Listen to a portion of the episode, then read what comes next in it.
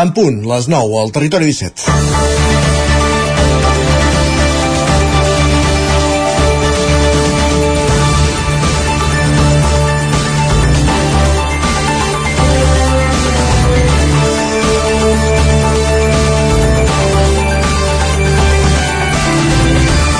Bon dia, ho explicàvem la setmana passada l'Isaac Montades en aquest programa. La nit de Sant Joan en va fer 40 de la desaparició de la veïna de Sant Joan de les Abadesses, Isabel Ordóñez, que aleshores tenia 20 anys i va ser trobada l'endemà sense vida amb signes d'extrema violència a la mà amb l'Auris.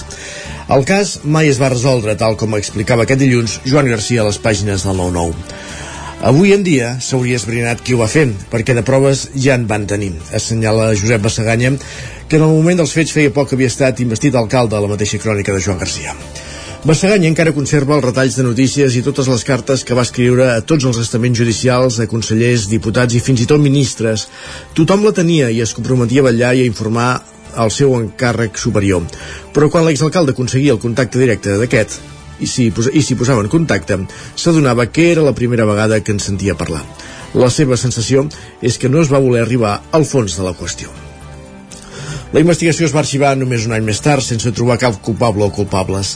Aquest fet no només va deixar una ferida impossible de curar a la família i entre el veïnat, sinó també la preocupació que fos algú a qui la víctima coneixia, perquè el seu entorn assegurava que la Isabel mai hauria pujat a un cotxe d'un desconegut, afegeix Garcia a la crònica. La nit dels fets, la noia tornava de Barcelona, on no havia pogut entrar al pis d'estudiants que compartia perquè li faltava una clau. A l'estació de Vic va avisar un familiar que l'artés a casa que estava de tornada. En aquella època no tothom tenia telèfon.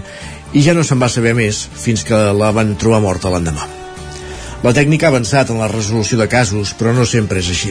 En els darrers anys han arrelat propostes audiovisuals com crims, i un dels seus casos estrella, el d'Helena Jubany, ocorregut 20 anys més tard que el d'Ordóñez, continua també sense resoldre's.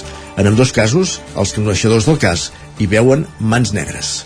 Potser no és casualitat. Territori 17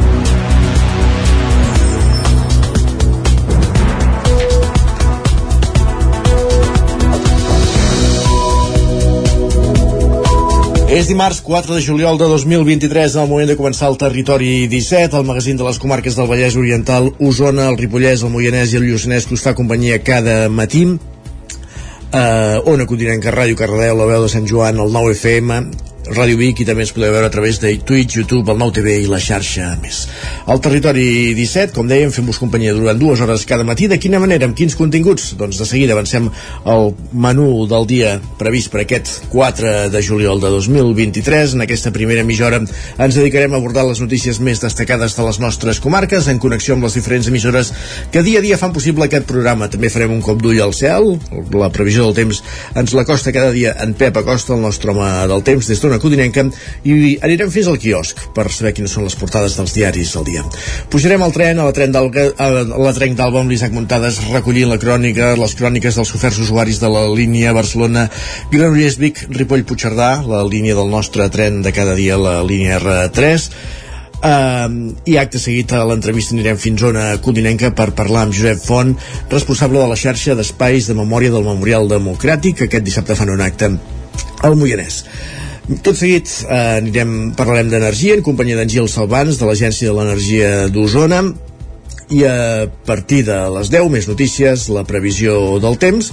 I a l'espai d'economia en Joan Carles Arredondo avui ens parlarà de reformes laborals ara que ha sortit alguna proposta de modificació durant la, la campanya. En Joan Carles se'n fa creus i avui ens ho explicarà a la secció d'economia a partir d'un quart d'onze. Més qüestions, acabarem el programa a la recta final endinsant-nos al món de Twitter amb la Natàlia Peix i al racó de pensar mandràgores educant sexualitat amb la companyia de la Maria López des de Ràdio Televisió Cardedeu un una setmana més. Passen 4 minuts i mig pràcticament de les 9 del matí, moment de començar el territori 17 i ens posem en dansa, com dèiem, repassant les notícies més destacades de les nostres comarques, les notícies del territori 17, les notícies del Vallès Oriental, Osona, el Ripollès, el Moianès, el Lluçanès i el Vallès Oriental, ens en deixàvem una. Esquerra i Junts oferiran entrar al govern del Consell Comarcal d'Osona a tots els grups que formen part del ple. Sergi Vives. Els contactes amb la resta de forces, els independents, el PSC, ara Pacte Local i la CUP van començar després de les eleccions municipals i aquesta setmana es podrien concretar ja les delegacions. Junts i Esquerra ofereixen conselleries als independents i als socialistes i entrar al govern però sense carteres a ara Pacte Local i a la CUP.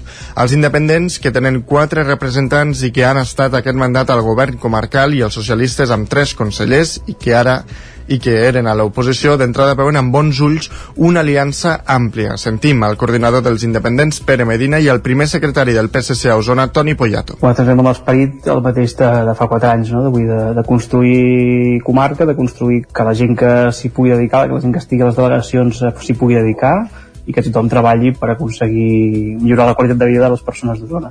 Nosaltres haguéssim preferit que hagués hagut una persona de consens que fes de president i una persona de consens que fes de vicepresident i igual pensem que la gerència és clau en aquest, en aquest eh, Consell Comarcal, per tant esperem que la persona que ocupi aquesta gerència sigui una persona de consens. Crec que s'ha fet una reflexió i s'ha vist que el més positiu per tots, el més positiu per la comarca era arribar a un acord en aquests termes.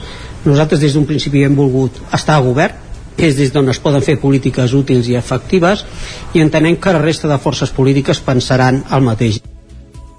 Ara pacte local amb dos consellers sobre de moment escoltar la proposta d'Esquerra i Junts i avancen la voluntat de treballar de manera constructiva i amb un paper actiu dins del Consell.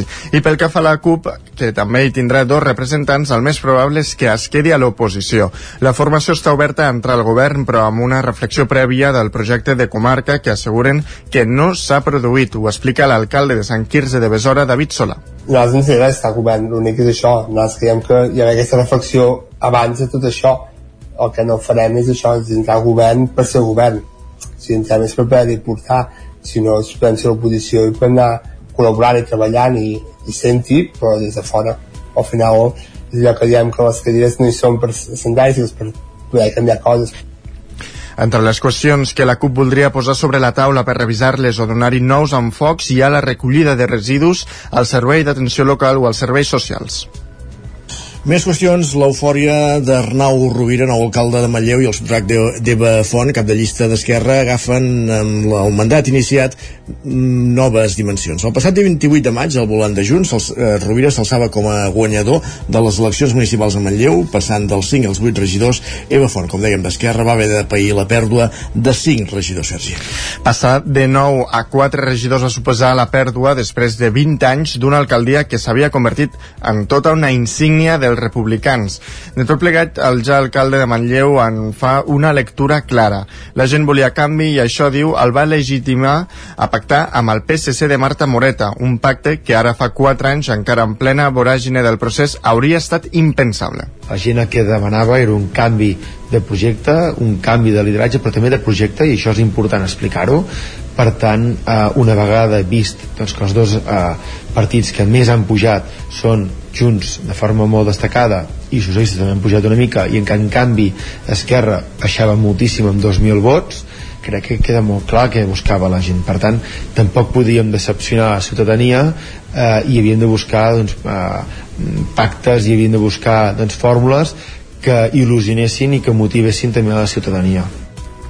A banda dels socialistes, Rovira també va estendre la mà als republicans, que des d'un inici van mostrar-se reticents a un pacte a tres bandes que diuen, Eva Font diu, no era necessari perquè hauria implicat més estructura i més despesa d'entrada perquè no el creiem necessari no? com que la majoria està a 11 regidors eh, no calia ser 16 llavors això a nivell d'organització sabem que és un problema eh, 16 persones doncs només pel fet de trobar un moment eh, on tots puguin parlar i posar-se d'acord doncs és més difícil i també perquè a nivell econòmic no? que al final eh, 16 regidors en dedicació és una despesa per l'Ajuntament que no veiem necessària ja fa dues setmanes que Rovira està al volant del consistori manlleuenc dues setmanes diu d'alta intensitat Vista en perspectiva, Rovira agraeix haver arribat ara a l'alcaldia i no a les eleccions d'ara fa 4 anys.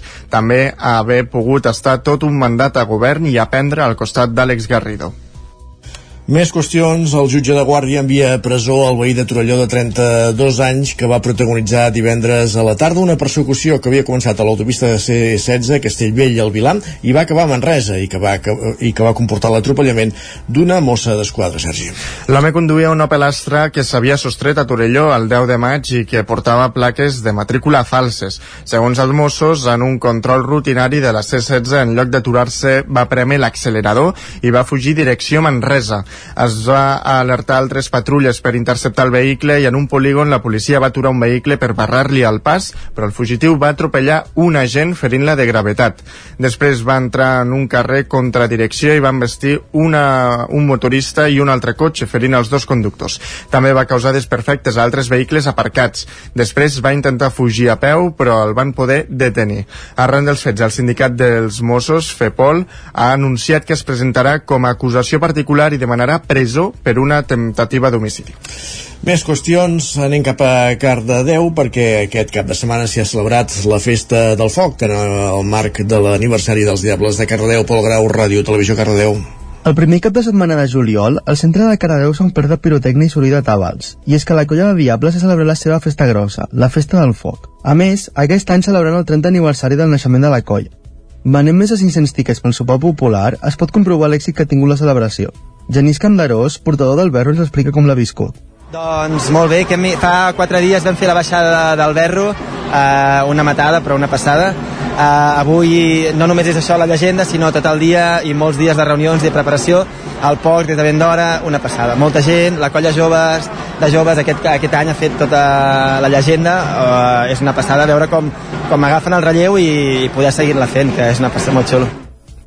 Una festa on el matí s'ha pogut gaudir de contacontes i música per donar pas a la tarda amb actes de foc. Culminó les celebracions amb la interpretació de la llegenda del Berro, acompanyada de la cremada del camí de Molins de Rei i una caratillada dels Diables de Granollers. La festa ha començat a les 11 del matí, amb una plantada de bèsties, donant la benvinguda també a la colla convidada d'enguany i la seva bèstia, el camell de Molins de Rei. Seguidament, Núria Clamares ha sigut l'encarregada d'adaptar pels més petits la llegenda del Berro en format contacontes, donant pas a un vermut acompanyat de música folk. Mentre alhora s'assajava la baixada del campanar, que tindria lloc al vespre. Ja a última hora de la tarda s'han iniciat els actes de foc, amb una furgada de garrins i carretillada infantil. Per ja ben entrada de nit, celebrar la interpretació de l'agenda del Berro, acompanyada de la cremada de la colla de Molins de Rei i una carretillada amb els diables de Granollers.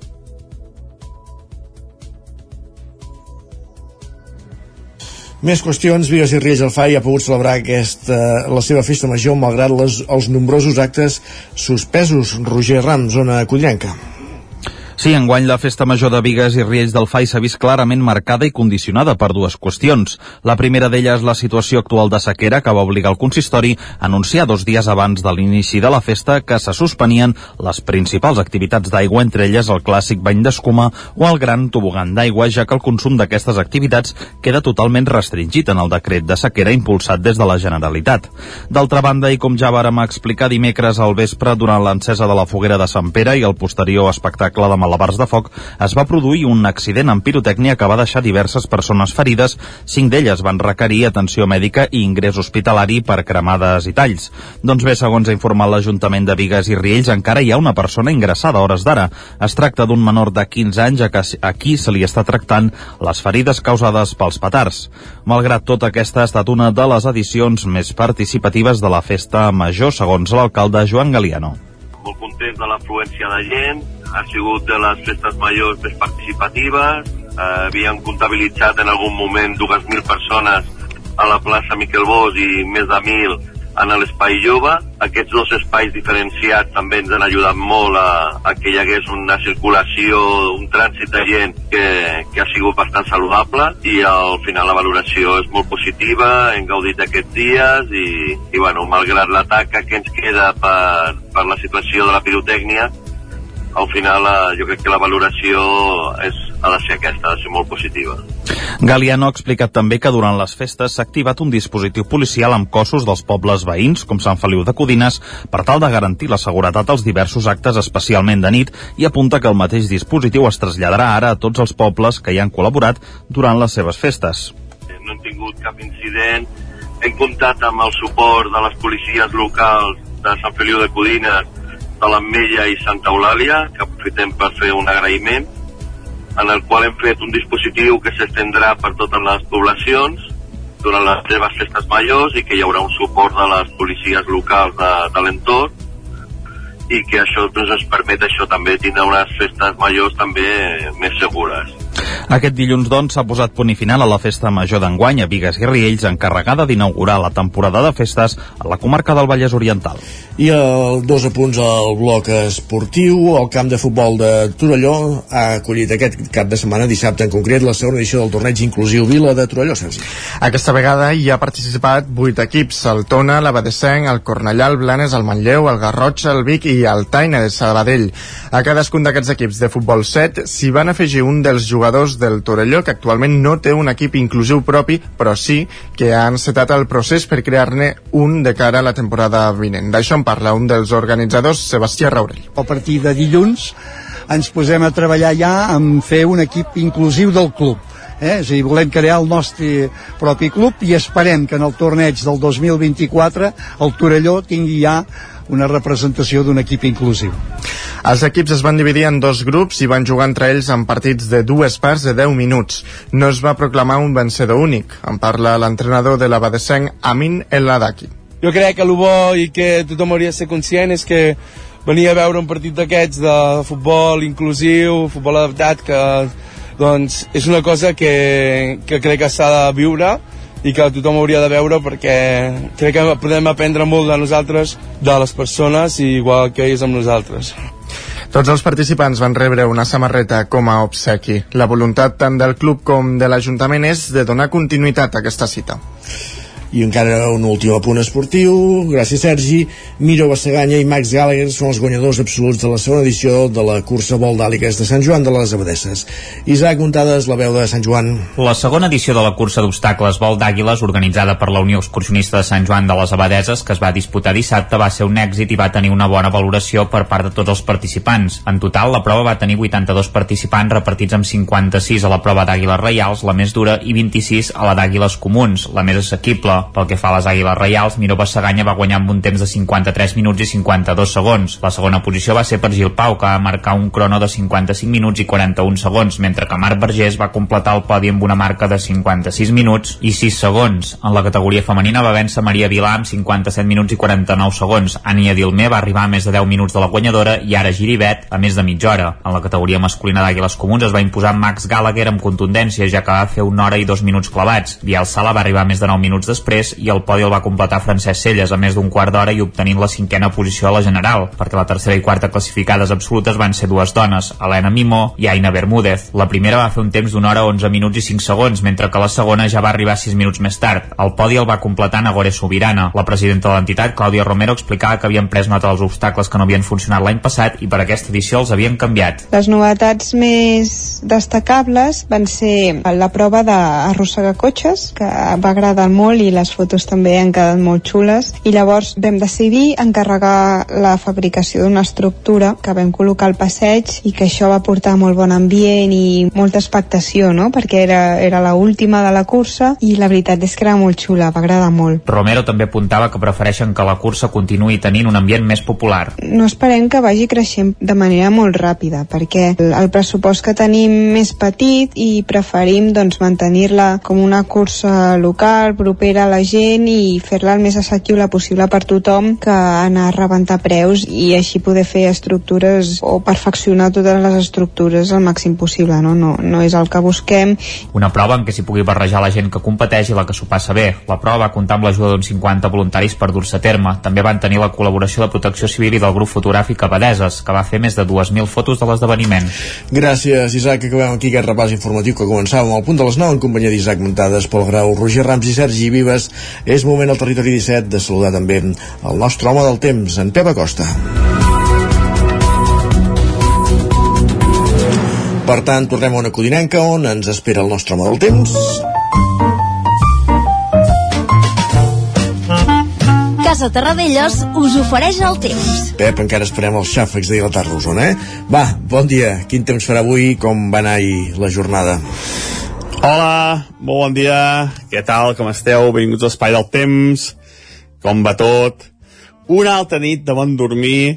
Uh, de moment, ojo, dic de moment, perquè les temperatures són, estan bastant a ratlla a les nits, eh, sobretot cap a les comarques, eh, moltes, la majoria mínimes, entre els 15 i els 18 graus, eh, per tant encara, encara es pot dormir bastant bé, un luxe diria jo gairebé per aquests primers dies de juliol. Però ja canviarà això vull dir, eh, els que no us agrada la calor els que no us agrada la calor eh, aviat en patirem i força. Però bueno, anem a pams anem a pams i de moment això, nit de bon dormir i ahir tempestes, tempestes sobretot que passen al Pirineu eh, van deixar eh, més de 40 litres cap a Bulló a la zona de Ter més de 10 litres jo pensava que serien una mica més extenses i van quedar bastant restringits en aquesta zona, eh? a la zona nord del Ripollès. Uh, Osona també quatre gotes, uh, però vaja, no van ser tempestes uh, molt extenses. Jo pensava que serien més extenses i no va ser el cas. Uh, és que són molt irregulars, és molt difícil de predir, aquestes tempestes d'estiu és, és molt, molt difícil de, de, de dir on, on, on caurà amb més força vull que... Uh, tot i que, òbviament, aquesta zona del Pirineu, aquesta zona de, del Pirineu Oriental, és de les uh, més plujoses a l'estiu i és on cauen més tempestes. Aquesta zona de Ter, Molló, zones pròximes, és uh, molt, molt plujosa a l'estiu. Um, què més? Què més? Anem pel dia d'avui. Anem pel dia d'avui, que serà un altre dia inestable. Avui al matí hi ha bastants núvols, uh, ben d'hora, migdia, uh, creixeran nuvolades, i poden tornar a caure tempestes. Un altre cop, eh, irregulars, eh, jo crec que més força també cap al Pirineu, cap al Montseny, cap a les Guilleries, eh, però és molt difícil de predir on, on, on plourà més. Les temperatures molt a ratlla, la majoria màximes entre els 25 i els 28 graus. Torno a dir, això també s'acaba, eh? Aviat temperatures molt més altes i eh, vents febles, direccions variables i això al moment de tempesta pot haver ventades, hi pot haver alguna, alguna claversada, eh, precaució perquè les tempestes poden ser fortes, especialment, com deia, Guilleries, Montseny i Pirineus.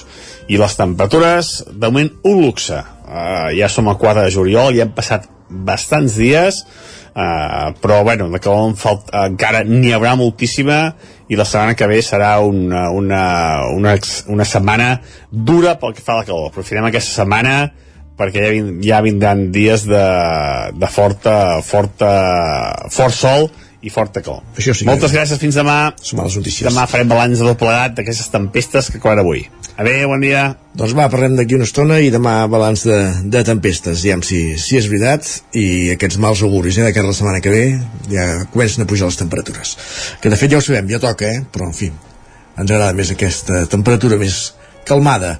Gràcies, va, Pep, fins ara. Casa Tarradellas us ha ofert aquest espai. 7 minuts perquè siguin dos quarts de 10 del matí, anem cap al quiosc.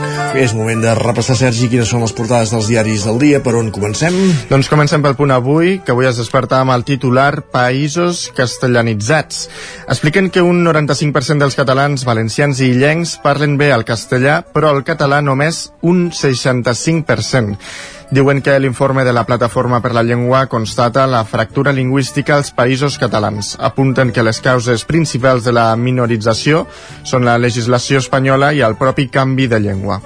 Per altra banda, el punt avui entrevista Miquel Morera, l'últim supervivent de la lleva del Biberó. Es pregunta on són avui els republicans de l'Estat. Diu que no respiren gens. Expliquen que avui l'excombatent de 103 anys rebrà la Creu de Sant Jordi. El periòdico diu que les obres del tramvia posen al límit Barcelona aquest estiu. Expliquen que l'abans del tram de la Diagonal escanyarà el trànsit als carrers d'Aragó, València i Mallorca. Afegeixen que el carril bici de la Gran Via s'asfaltarà per a l'etapa de la Vuelta. Per altra banda, la presidenta de la Comissió Europea, Borden, von der Leyen, avisa sobre l'extremisme. Expliquen que amb una trobada a Moncloa amb el president ha volgut posar en valor les polítiques de centre. Això mentre Sánchez afirmava que Europa estarà amb Ucraïna fins a la victòria final. La Vanguardia diu que les empreses recuperen els marges previs de la Covid, tret de les alimentàries. Expliquen que el sector més beneficiat ha sigut l'energètic, segons l'Observatori del Ministeri... Ves quina sorpresa. Oh. segons l'Observatori del Ministeri d'Economia, que no inclou el financer ni els autònoms. I una informació que, de fet, amplia l'ara, diu que la guerra impulsa les elèctriques mentre el turisme i el comerç igualen la situació prepandèmia. Per altra banda, La Vanguardia destaca la reparació històrica per als afectats eh, per la talidomida. Yep. Expliquen que el govern espanyol aprova avui ajuts per a part dels afectats pel fàrmac que va causar malformacions a 3.000 nadons dels 60.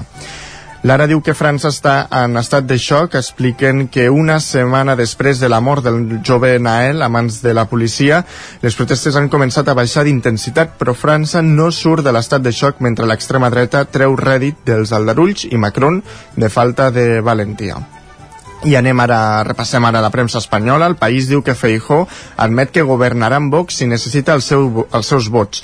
Expliquen que el líder del PP veu lògic un govern conjunt a canvi del sí de Bascal. Assegura que el PSOE l'empeny a pactar amb l'extrema dreta. El PSOE l'empeny, carai. Sí, sí. per altra banda, diuen que el Tribunal Constitucional ordena indemnitzar a una dona que no va poder avortar a Múrcia. Expliquen que va ser derivada a un centre privat a Madrid amb l'argument de que no hi havia metges disposats a practicar l'avortament en centres sanitaris. La BC diu que el PP prohibirà els beneficis a presos d'ETA que no col·laborin. Expliquen que promet la presó permanent revisable per assassins que amaguin el cadàver. El Mundo diu que el PP posarà límits als indults i castigarà els referèndums il·legals. Expliquen que promet... Um, promet que reformarà el sistema d'elecció del Poder Judicial i tornarà les competències que li va treure Sánchez. Això és un poder judicial a la carta, eh? Sí, sí, sí. Um, per altra banda, diuen que Sánchez repetirà el no és no amb Feijó si per el 23J. Diuen que Felipe González defensa la llista més votada per evitar bloquejos, però el PSOE ho rebutja i optarà abans per una repetició electoral. Aquests són els titulars que trobem avui a les portades dels diaris. Doncs va, ràpidament tenim 30 segons per repassar també els, les portades dels digitals del 99.cat a l'edició d'Osona i el Ripollès. Doncs mira, ens diuen que Esquerra i Junts oferiran a tots els grups entrar al govern del Consell d'Osona. Ho hem explicat explicat a l'informatiu i a l'edició del Vallès Oriental. Doncs ens diuen que la majoria de les consultes del col·lectiu LGTBI al servei del Consell Comarcal són de persones transexuals. Perfecte, Sergi, moltíssimes gràcies. A tu. I nosaltres el que fem ara tot seguit és una petita pausa i tornem d'aquí 3 minutets. El nou FM, la ràdio de casa, al 92.8. Quan tingui un problema amb la seva caldera, vagi directament a la solució. Truqui sempre al servei tècnic oficial de Saunier Duval i despreocupis, perquè som fabricants i coneixem les nostres calderes peça a peça. I ara aconseguiu fins a 300 euros en canviar la caldera. Informeu-vos al 910 77 10 50 o a saunierduval.es. El Roure és Parc de Ceba. Tres piscines, pista de vòlei platja, camp de futbol 3x3, un parc infantil amb moltes novetats i una zona de pícnic per passar el dia en família o amb els amics. Del 24 de juny fins al 3 de setembre ens pots visitar des de dos quarts d'onze del matí fins a dos quarts de vuit del vespre. Vine de pícnic al Roure Espart de Ceba. Diversió per tota la família. Ser a prop vol dir veure les coses més bé. Apropa't al que t'interessa amb la xarxa Més. La teva plataforma audiovisual de qualitat, proximitat i gratuïta. Gaudeix dels continguts de més de 30 televisions locals i podcast quan, com i on tu vulguis. Entra a la xarxa més.cat i descarrega't l'app. Cocodril Club. Si t'agrada la bona música dels anys 60, 70 i 80, escolta el 9 FM als matins de dissabtes i diumenges d'11 a 1. És el temps del Cocodril Club, tot un clàssic de la ràdio, amb les bases del pop-rock, les llegendes, les cançons que s'han convertit en autèntics himnes. Recorda, dissabtes i diumenges al matí, d'11 a 1, al 9 FM 92.8. Cocodril Club, el programa revival de l'Albert Malla. Hasta luego, cocodrilo. Bon dia, són les 9 al Territori 17. La Miquel Parella, cada, cada matí i durant dues hores t'acompanyem i et posem al dia de l'actualitat de casa nostra. Potenciant així l'autonomia... En aquest cas me la el teler si no... Usos per feminitzar el pensament masculí. Territori 17, el magazín matinal d'Osona, el Moianès, el Ripollès i el Vallès Oriental. Que la meva àvia de 93 el anys... El 9 FM, el 9 TV al 99.cat i també als nostres canals de Twitch i, I YouTube. Demà per fer-se un tatuatge. Cada matí, Territori 17. Ole. Anuncia't al 9FM. La màquina de casa. 9 3 8 8 9 4 9 4 9. Publicitat arroba al 9FM.cat. Anuncia't al 9FM. La publicitat més eficaç. Ser a prop vol dir veure les coses més bé. Apropa't al que t'interessa amb la xarxa Més. La teva plataforma audiovisual de qualitat, proximitat i gratuïta. Gaudeix dels continguts de més de 30 televisions locals i podcast quan, com i on tu vulguis. Entra a la xarxa més.cat i descarrega't l'app. El 9FM, la ràdio de casa, al 92.8.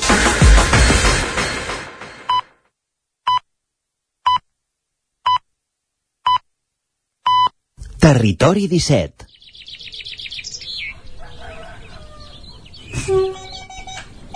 A Tren d'Alba. Cada dia els usuaris i usuàries de la línia R3 de Rodalies que veuen sortir el sol des d'un vagó ens expliquen les gràcies i les penes del primer comboi que uneix Ripoll i Barcelona o les feixugues jornades amb el tren després de treballar.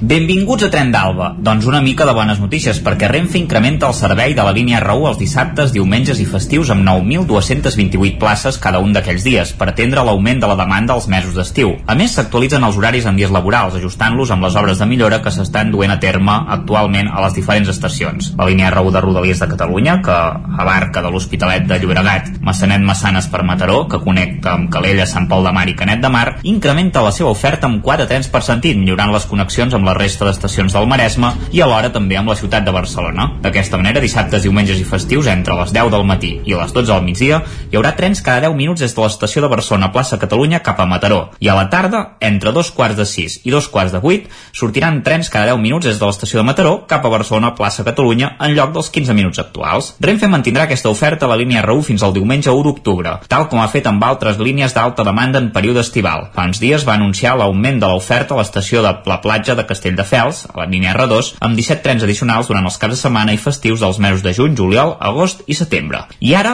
toquen les males notícies amb en Jordi Valls. Ma mare sempre em deia que al pobre l'alegria li dura poco. I certament és així. Ahir us comentava que el tren va arribar dos minuts d'hora i a més de tornada a Sagrera vaig poder seure perquè vaig agafar un ripoll allà cap a un quart de nou, passades perquè anava tard, que era doble i vaig poder seure còmodament. El destí està clar que m'havia de castigar per tota aquesta bona sort. Avui 20 minuts. Soc en Jordi Valls, vinc de Centelles, arribo a Barcelona i ja estic cansat. Sí, 20 minuts sense cap avís. Entre... Ja venia, ha vingut tard, no deia la via, fins que gairebé el tren ha tret el morro. Apa, canviar de dia de pressa i corrents, amb tota aquella seguretat que allò aporta. Després hem anat baixant més o menys lleugers i entre Granollers i Parets se fue la luz. Sí, sí, ha, marxat la llum. Ens hem quedat a les fosques, hi ha els llums d'emergència, però aquell rumor tota l'estona de l'aire condicionat, de cop i volta es fa el silenci. Fins i tot tothom calla, com escoltant. Llavors algú pregunta, què passa? La resposta dels que estem acostumats és, no hi ha llum. I, i ara què passarà? La resposta és l'habitual, ni idea perquè clar, avisar per megafonia potser no hi havia llum i no podien. Bé, al final ha estat un viatge d'aquells que uf, no s'acabava mai, mal de cap i tot, gent xerrant molt fort i no érem nosaltres, deu ser això. No sé, el que deia ma mare, al pobre l'alegria le dura poco. Ahir vaig tenir bona fortuna i avui el destí m'ha castigat. Adéu-siau, que vagi bé la setmana. Doncs sí, l'alegria t'ha durat un sol dia, però això és l'R3, un dia bo, 15 de dolents. I per això, 20 minuts tard, sense avisar per quina via venia el tren, sense llum una estoneta i tothom callat. Seria bo que si no poden avisar per megafonia, que el revisor expliqués què està passant per no estar patint cada dos per tres. Va, ens retrobem demà amb més històries del tren i de la R3. Territori 17, el 9 FM, la veu de Sant Joan, Ona Codinenca, Ràdio Cardedeu, Territori 17. 3 minuts i mig que passen de dos quarts de 10 del matí.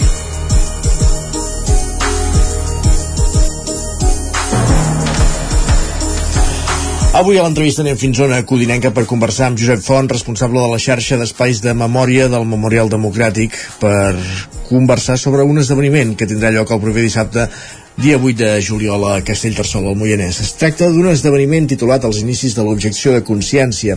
Castellterçol com a punt de partida, on hi haurà tot un seguit d'activitats per rememorar uns campaments que van tenir lloc en aquest punt del Moianès entre els anys 1967 i 1971. Ens hi posa més llum en Roger Rams des d'Ona Codinenca. Bon dia, Roger. Bon dia, què tal? Sí, com deies, avui a que l'entrevista coneixerem en profunditat aquesta jornada de memòria històrica que s'està preparant a Castellterçol, al Moianès. Saludem primer de tot una de les persones que hi està al darrere i la tenim ja al telèfon, en Josep Font. Bon dia, Josep. Hola, bon dia, què tal? Què tal, com va? Primer de tot, eh, Josep, eh, volia que ens expliquessis una mica què, què és aquesta jornada, en què consisteix i d'on ve tot plegat, una mica de, de context per qui no ho conegui. Sí, eh, el, el context és que durant quatre anys eh, Sant Julià d'Uixos, a una ermita emblemàtica de, de Castellterçol, es van organitzar uns campaments des del 1967 al 1971, eh, estaven organitzats pels amics de, de l'Arca, i allò, aquestes trobades que duraven una setmana, que eren clandestines, que eh, les liderava l'Anza del Basto, una persona, diguem-ne, important a, a recuperar per, per la seva dimensió internacional, eren uns campaments en els quals cada any s'hi van aplegar un centenar de persones de diverses comunitats autònomes, no només de Catalunya, i va ser allà en, en, en, on es reproduïa una mica la, els campaments i la manera de treballar de, de, de, de l'arca a França, amb, amb meditacions, xerrades, amb menjar vegetarià, treball manual, que Pepe de Unza, el primer objector polític de l'estat espanyol, va decidir eh, treballant conjuntament amb totes les persones que estaven allà, de fer-se objector, i per tant és allà on es van preparar les campanyes de suport una vegada ell estigués a la presó.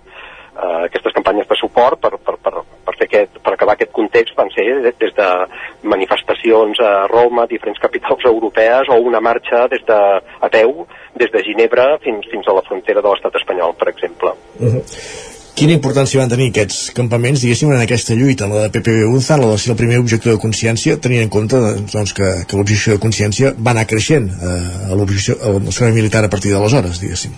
Sí, eh, eh, el que hem volgut és centrar-nos eh, en això, en els orígens, perquè a, a partir d'aquí, com, com bé dieu, després es va fer molt gran i vam i diguem-ne, es va organitzar el, el suport a, en els objectors, el moviment d'objectors de consciència, amb els, amb els insumissos, etc etc.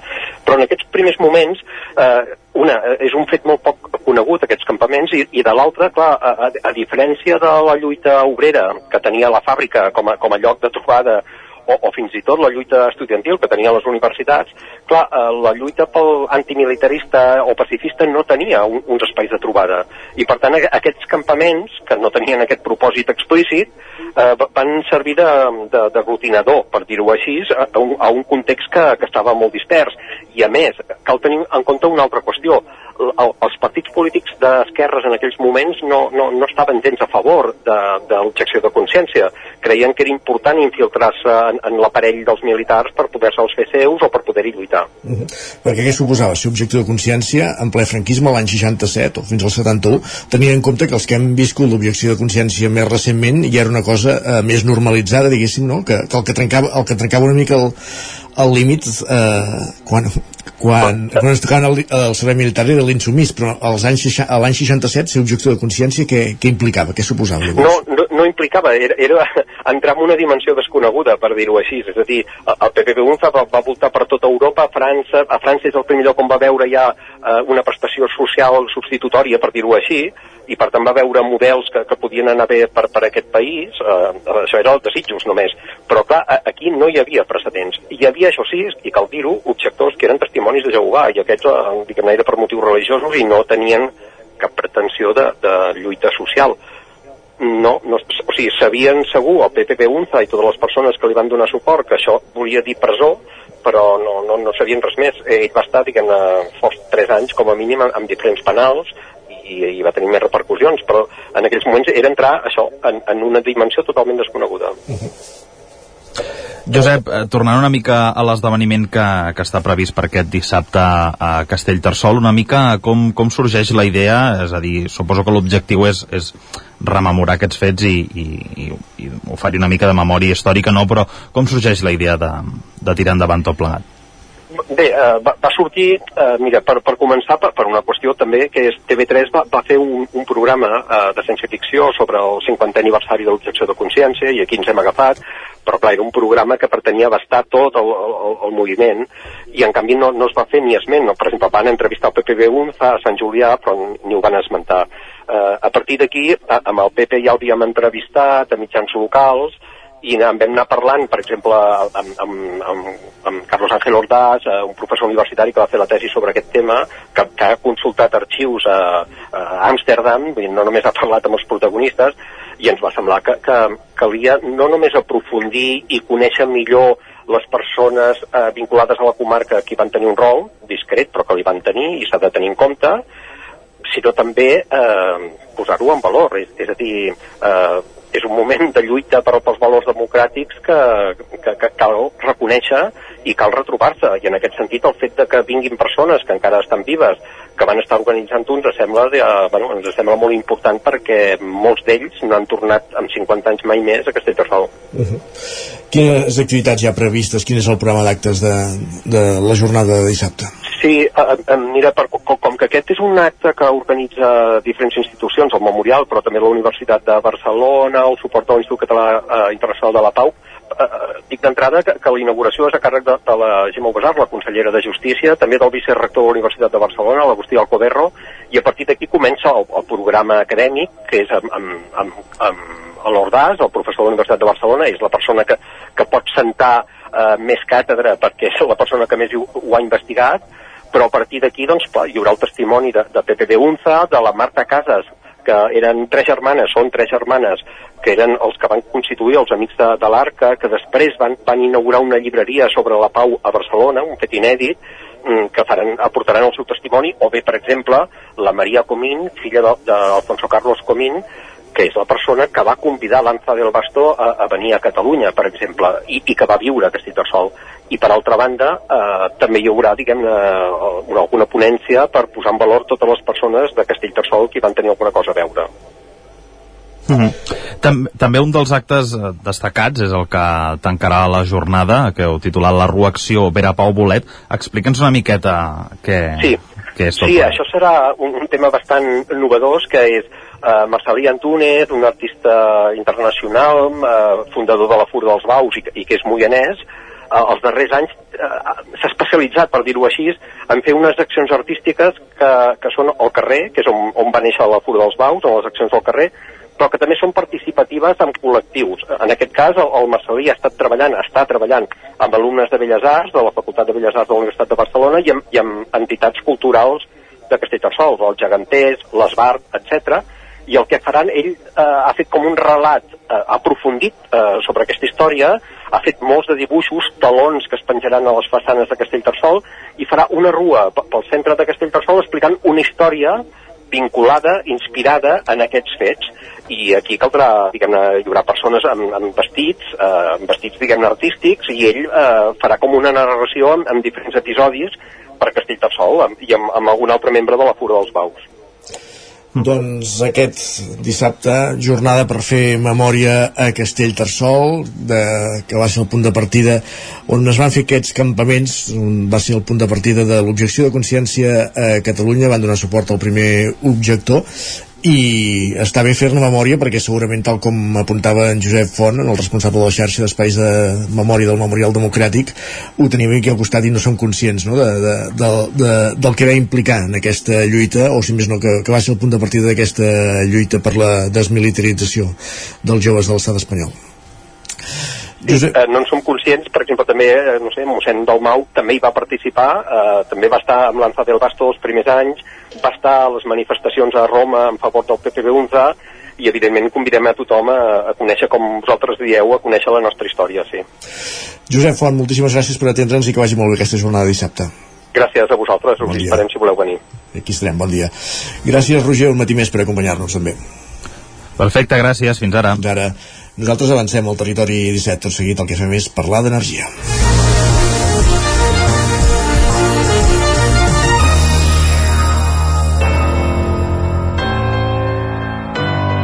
Territori, Territori 17. 17. Territori 17.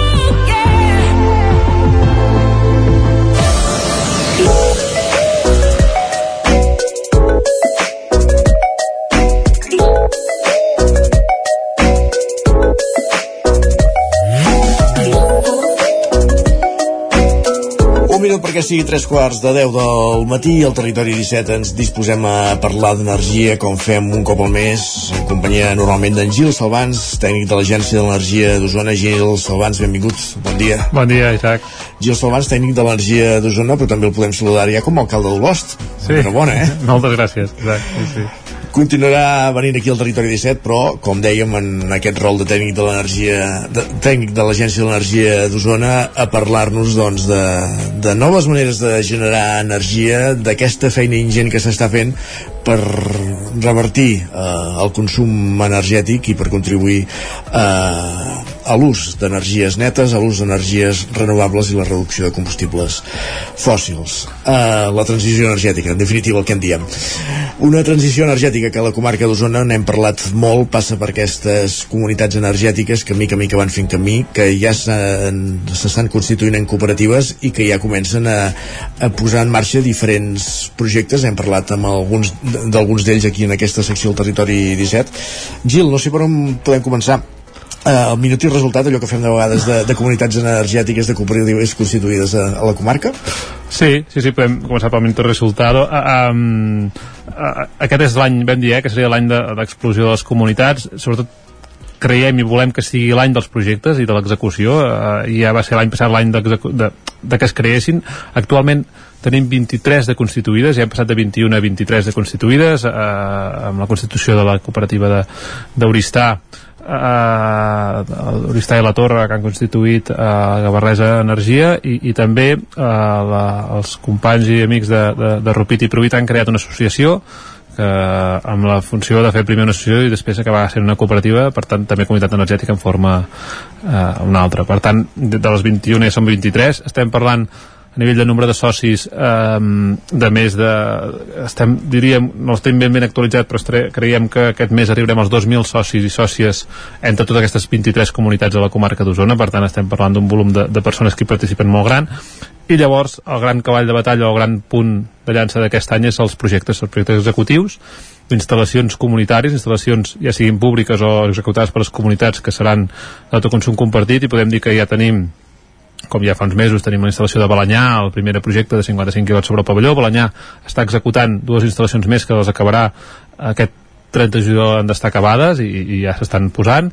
Sant Vicenç de Torelló també ja ha executat una instal·lació de 100 kW sobre el pavelló i ja l'ha cedit l'Ajuntament a la comunitat i per tant també estan en fase de repartiment. Uh, tenim una instal·lació a Santa Eulàlia de Riu Primer que s'està a punt a punt d'acabar i que també estem, uh, o sigui, ja està instal·lada està, només, només li falta el punt de connexió d'Endesa que aquest és l'altre punt, que aquest és el punt jo crec que és el punt de batalla que tindrem més, més important i eh, les més avançades eh, però el PENS també estan a punt a punt de començar les obres d'una instal·lació. A, a Olost hi ha tres instal·lacions que també ja s'està esperant que arribi el material a Sant Boi de Lluçanès també. Per tant estem al mes de setembre quan ens tornem a trobar. Jo crec que no sé si en funcionament però sí que amb les plaques posades tindrem ja et podria dir que més de 10 instal·lacions per aquestes comunitats energètiques. Per tant és un, un, jo crec que ara sí que hem fet un pas endavant. Jo crec que de seguida que puguem que puguem fer creure a les distribuïdores elèctriques que, i que també la Generalitat i, i els organismes que les controlen eh, eh, els facin complir la normativa per poder repartir aquesta energia jo crec que en pocs mesos tindrem tindrem ja eh, veïns i veïnes que redueixen la seva factura elèctrica en base a participar en una comunitat energètica. Uh, ens has dit moltes coses, Gil, en aquesta introducció. Uh, M'agradaria centrar en diversos...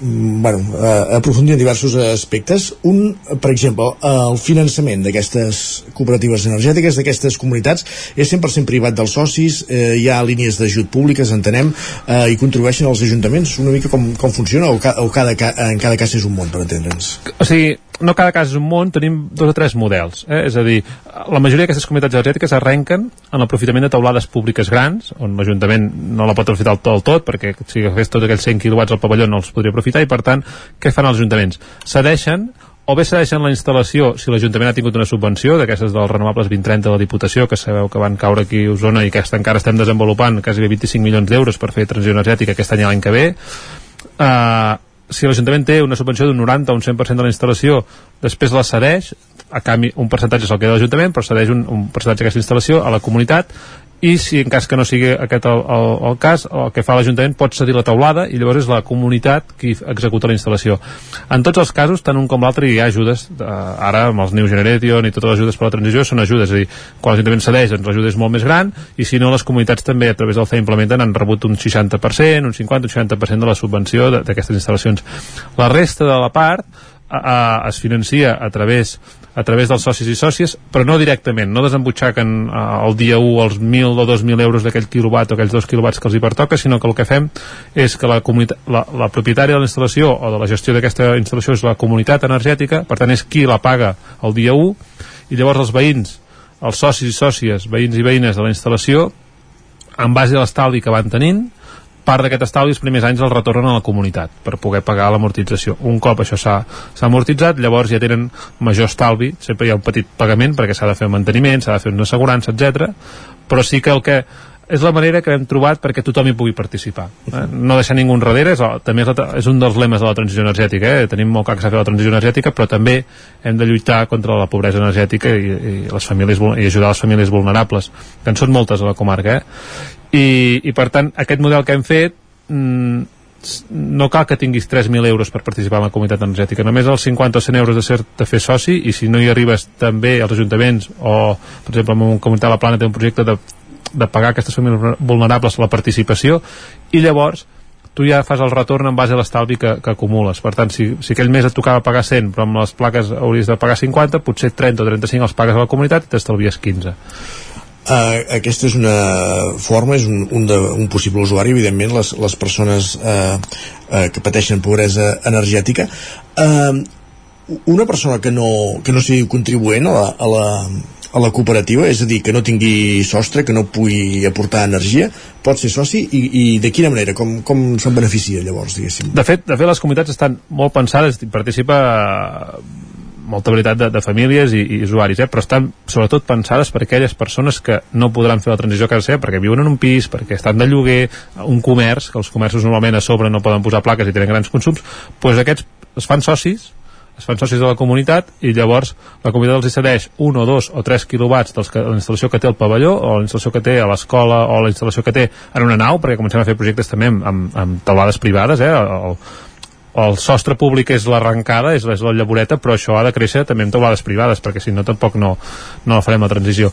I, i per tant, t'apuntes, et fas soci i llavors tu, com que et toquen dos quilowatts d'allà, amb l'energia que t'estalviaràs de la teva factura de la llum de la teva companyia, pagaràs una part d'aquells quilowatts i representarà que dos quilowatts d'aquella instal·lació durant els anys que tu siguis soci de la cooperativa seran, seran teus o, o els tindràs cedits cap a la teva cap a que tu els, els utilitzis.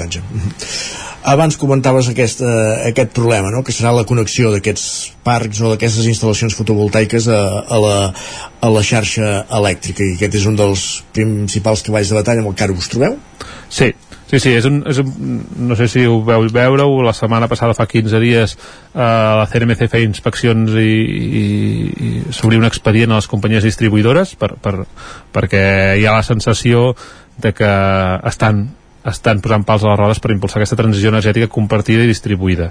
És a dir, aquí posar unes plaques i connectar-les és molt fàcil. El sí. problema és la legalització d'aquesta instal·lació, que la distribuïdora et permeti evacuar aquests, aquests quilowatts i que a més a més, sobretot, connectar-ho i que l'energia vagi a la xarxa eh, ho pots fer-ho. El problema és que a més a més llavors ells han d'establir uns protocols per avisar les comercialitzadores de cada, de cada veí veïna que els quilowatts que els hi pertoquen. I aquí és on se'ns encallen les coses. Eh? És, està regulat, hi ha un BOE que regula els terminis, els períodes, però llavors van a la lletra petita, ho encallen tot, i per això eh, s'han posat una sèrie d'anúncies a la CMC, perquè això afecta la competència del, del consumidor, eh, on ajuntaments eh, importants del país i, i, i, i, i entitats eh, com, com UNEF, que és la Unió, la Unió d'Empreses de, Fotovoltaiques o, o, el clúster d'eficiència energètica també, també ho han ajudat i ho han impulsat a que això mm, algú hi posi fre. És a dir, hi ha alguna sanció petita a aquestes companyies però no els hi fan ni pessigolles i ara el que s'ha obert és una inspecció de la, de la Comissió Nacional de la Mercat i la Competència en el sentit de que si realment detecten temes de, de, de, que, de, que no, de que no compleixen la normativa i, i que posen pals més pals a la roda dels que ja hi ha eh, la idea és que se'ls se afecti la retribució. Les companyies distribuïdores viuen de mantenir i distribuir l'energia i per tant rebren uns diners perquè la xarxa estigui de qualitat, sigui la que pertoca, etc i ara ens estem adonant que no ho estan fent és a dir, aquí tenim algun exemple a la comarca al pavelló de Muntanyola. Si volem connectar-hi 100 quilowatts Endesa ens demana 130.000 euros per millorar la xarxa. Carai. quan és una cosa que ja hauria d'estar millorada. No anem a fer una instal·lació de 5 megawatts ni un parc, és una instal·lació de 100 quilowatts que és la, la potència que pots connectar amb baixa tensió. I per tant per un projecte que valdria 110.000 euros o 115.000 de plaques ens en demanen 130.000 de connexió. I això no, no, no si és així no, ningú farà la transició energètica. Ens passa el mateix a Folgueroles o per exemple eh, els pisos de protecció oficial de Sant Julià de Vilatorta que tenen una instal·lació compartida de 15 quilowatts des de fa quasi bé dos anys encara alguns dels veïns no reben la part que els hi pertoca per tant eh, eh, bueno, algú aquí hauria de posar eh, eh, posar-se en sèrio i fer-los complir a, a, a totes aquestes companyies. Fins fa pocs fins fa un any, fins fa un any, ha algú deien, quan parlaven amb la Direcció General d'Energia, deien, bueno, és que només hi ha 15-20 instal·lacions a tot Catalunya d'autoconsum compartit, i per tant, no hi ha un volum perquè puguem obrir això. Ara ja no és el cas. Eh, L'Ajuntament del Prat, per exemple, tenia tenia per l'ordre, em sembla que eren 2 o 3 megawatts encallats, és a dir, 10-15 instal·lacions encallades de més d'un any, i per tant, i aquí a Osona, si això passa a finals d'aquest any tindrem que dèiem, més de 15 o 20 instal·lacions que, que, que potser les tindrem acabades i encara ens deixaran repartir energia sí que és veritat que s'ha millorat, eh? abans parlàvem d'un any i mig en els períodes dels que funcionaven, ara sabem que alguns llocs amb 6 mesos, 7 mesos ja, està, ja es connecten però creiem que encara és massa. Un cop acabes l'instal·lació, amb dos o tres mesos has de tenir uh, no, estem, no estem fent coses molt complexes en aquest sentit. Uh -huh. El 2023 ens ho deies era, havia de ser l'any dels projectes i ho està sent. 23 cooperatives constituïdes eh, comunitats constituïdes n'hi ha més en, en perspectiva, és a dir, 23 són 23 de 50 municipis Osona i el Lluçanès, per tant encara en quedarien 27 si, si n'hi hagués una a cada municipi sí. eh, n'hi ha més en previsió? N'hi ha alguna més en previsió, sí que és veritat que algunes d'aquestes engloben més d'un municipi, estem parlant Masies de Roda i Roda, Sant Hipòlit i Masies de Voltregà, per tant no arribarem a les 50 a nivell domèstic, Uh, hi ha algunes més que estan, estan encaminant. Estem pensant en, uh, la setmana passada fa 15 dies vam estar a Sant Martí del Bars uh, vam fer la primera, la primera xerrada. A Perefita també hem començat a caminar Sant Boi de Lluçanès, Sant Bartomeu del Grau. Vull dir que ha, jo crec que n'hi ha 5 o 6 que abans d'acabar l'any també hauran fet el pas per, per tirar-ho endavant uh, després n'hi haurà d'altres que veurem, veurem quin és el format, eh? perquè municipis molt, molt, molt petits, potser el format cooperatiu els acaba funcionant, no sé si farem una petita agrupació de més d'un municipi, o potser una associació que pengi directament de la cooperativa de segon grau, que és l'altre projecte que també s'ha desenvolupat i desencallat aquest any 2023 i que Correcte. funciona a, a, a, molt bé, que formen part és un projecte molt interessant perquè no només s'ha tancat a Osona uh, estem parlant de que l'últim projecte que ha impulsat uh, Osona Energia, que eren unes subvencions de la Generalitat de, que es deien Solar Cop, que era per impulsar cooperatives de, de, de comunitats energètiques. Des d'Osona Energia, des de la cooperativa segon grau es van coordinar 39 projectes. Per tant em sembla que d'Osona n'hi havia 17 o 18 i la resta eren de fora de la comarca. Vull dir que és un projecte pioner a tot Catalunya i on hi estan participant comunitats eh, cooperatives de, del Barcelonès, del Ripollès de, de, del Berguedà també de la zona de l'Urgell vull dir que també d'algun de cap a Tarragona de tot, i ara hi ha les quatre províncies a, a, a dins de la, a zona energia. Per tant, de fet és un projecte que la setmana passada es van a presentar al Parlament Europeu Uh, una delegació d'aquí a Osona de l'Agència d'Energia i diferents representants polítics van anar al Parlament Europeu a explicar el projecte de les comunitats energètiques d'Osona i sobretot Osona Energia uh, com a projecte pioner fins i tot a nivell europeu diguéssim en aquest sentit. Uh, abans apuntaves això que n'hi ha evidentment que són mancomunades de, de més d'un municipi la casuística de les masies de Roda i Roda de Ter o de Sant Hipòlit i les masies de Voltregà que són municipis que estan enganxats no, no hi ha problema. Uh, no sé si amb, amb altres casuístiques ara penso en l'Esquirol que té quatre nuclis de, de població uh, les distàncies pot ser un problema i en, i en aquestes cooperatives que deies mancomunades de més d'un municipi també pot ser un problema les, les distàncies o com es resol? No, no, no té per què, eh? és a dir mm, a l'Esquirol també hi ha una comunitat energètica, ja està constituïda al Cabrerès, i mm, es va parlar, eh, si fer una Cantoni i una a l'Esquirol, que són els dos nuclis més grans i així, però al final es va decidir per una una comunitat pot, eh, a mi també em passa a Olost, eh? és a dir, una comunitat pot tenir diferents projectes, una comunitat no es lliga en un sol projecte, en el cas, per exemple, d'Olost tenim tres projectes al nucli d'Olost i un projecte al nucli de Santa Creu, vull dir que el que, el que sí que ha de treballar la comunitat és que representi tots els nuclis i que pugui donar sortida a tots els veïns i veïnes de tots els nuclis. També ens passa, per exemple, a GURB, eh, que també tenen diferents nuclis distribuïts. Jo crec que la distància només hi ha una distància que afecta, que és quan tu poses plaques, aquella es pot repartir l'energia a dos quilòmetres, eh, que vam començar bueno, el 2022 estava a 500 metres i una gran, un dels grans notícies d'aquests últims mesos ha sigut els dos quilòmetres. Però això es vol dir per projecte, no per comunitat. El comunitat pot tenir cinc projectes que aquests tinguin dos quilòmetres de distància però, per, però no un sol projecte. Per tant no té per què la distància ser, ser un fre en aquest sentit doncs l'autoconsum compartit, que sens dubte és una de les tendències de l'any aquí a la comarca d'Osona. Eh, anem avançats amb la tasca indigent, com dèiem, de l'Agència de l'Energia d'Osona i un dels referents en aquest aspecte és en Gil Salvans, que ens acompanya un cop al mes aquí al Territori 17. Avui és l'últim programa de la temporada amb tu. Eh, ens retrobem al mes de setembre i molt bon estiu i gràcies per tot, Gil. Gràcies a vosaltres i, i bon estiu. Tornem al setembre.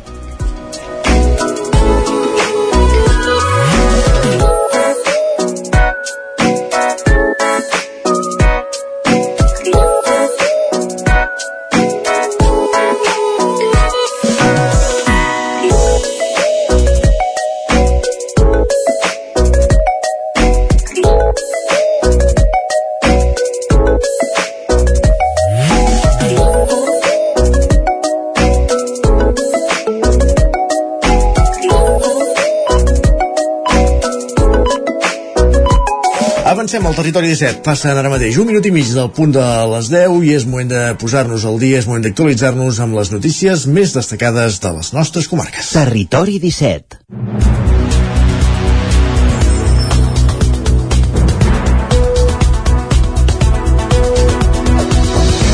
Per explicar-vos aquesta hora que l'Ajuntament de Caldes de Montbui ha anunciat que han millorat fins a 12 quilòmetres de camins forestals en els darrers mesos per millorar la prevenció contra els incendis forestals. I Isaac Montades no. Roger Rams, Ona Codinenca, bon dia. Bon dia. Algun dels treballs que s'han fet ha estat l'estabilització dels marges i camins, comprovació de que els punts d'aigua pels bombers funcionen correctament i la poda de la vegetació. Totes aquestes actuacions que s'han fet formen part del programa anual del Pla Municipal de Prevenció d'Incendis Forestals i atenen les necessitats més urgents de manteniment, consolidació i millora d'aquests camins que formen part de la xarxa bàsica de Caldes, com explica Jordi Martín, regidor d'Acció Climàtica.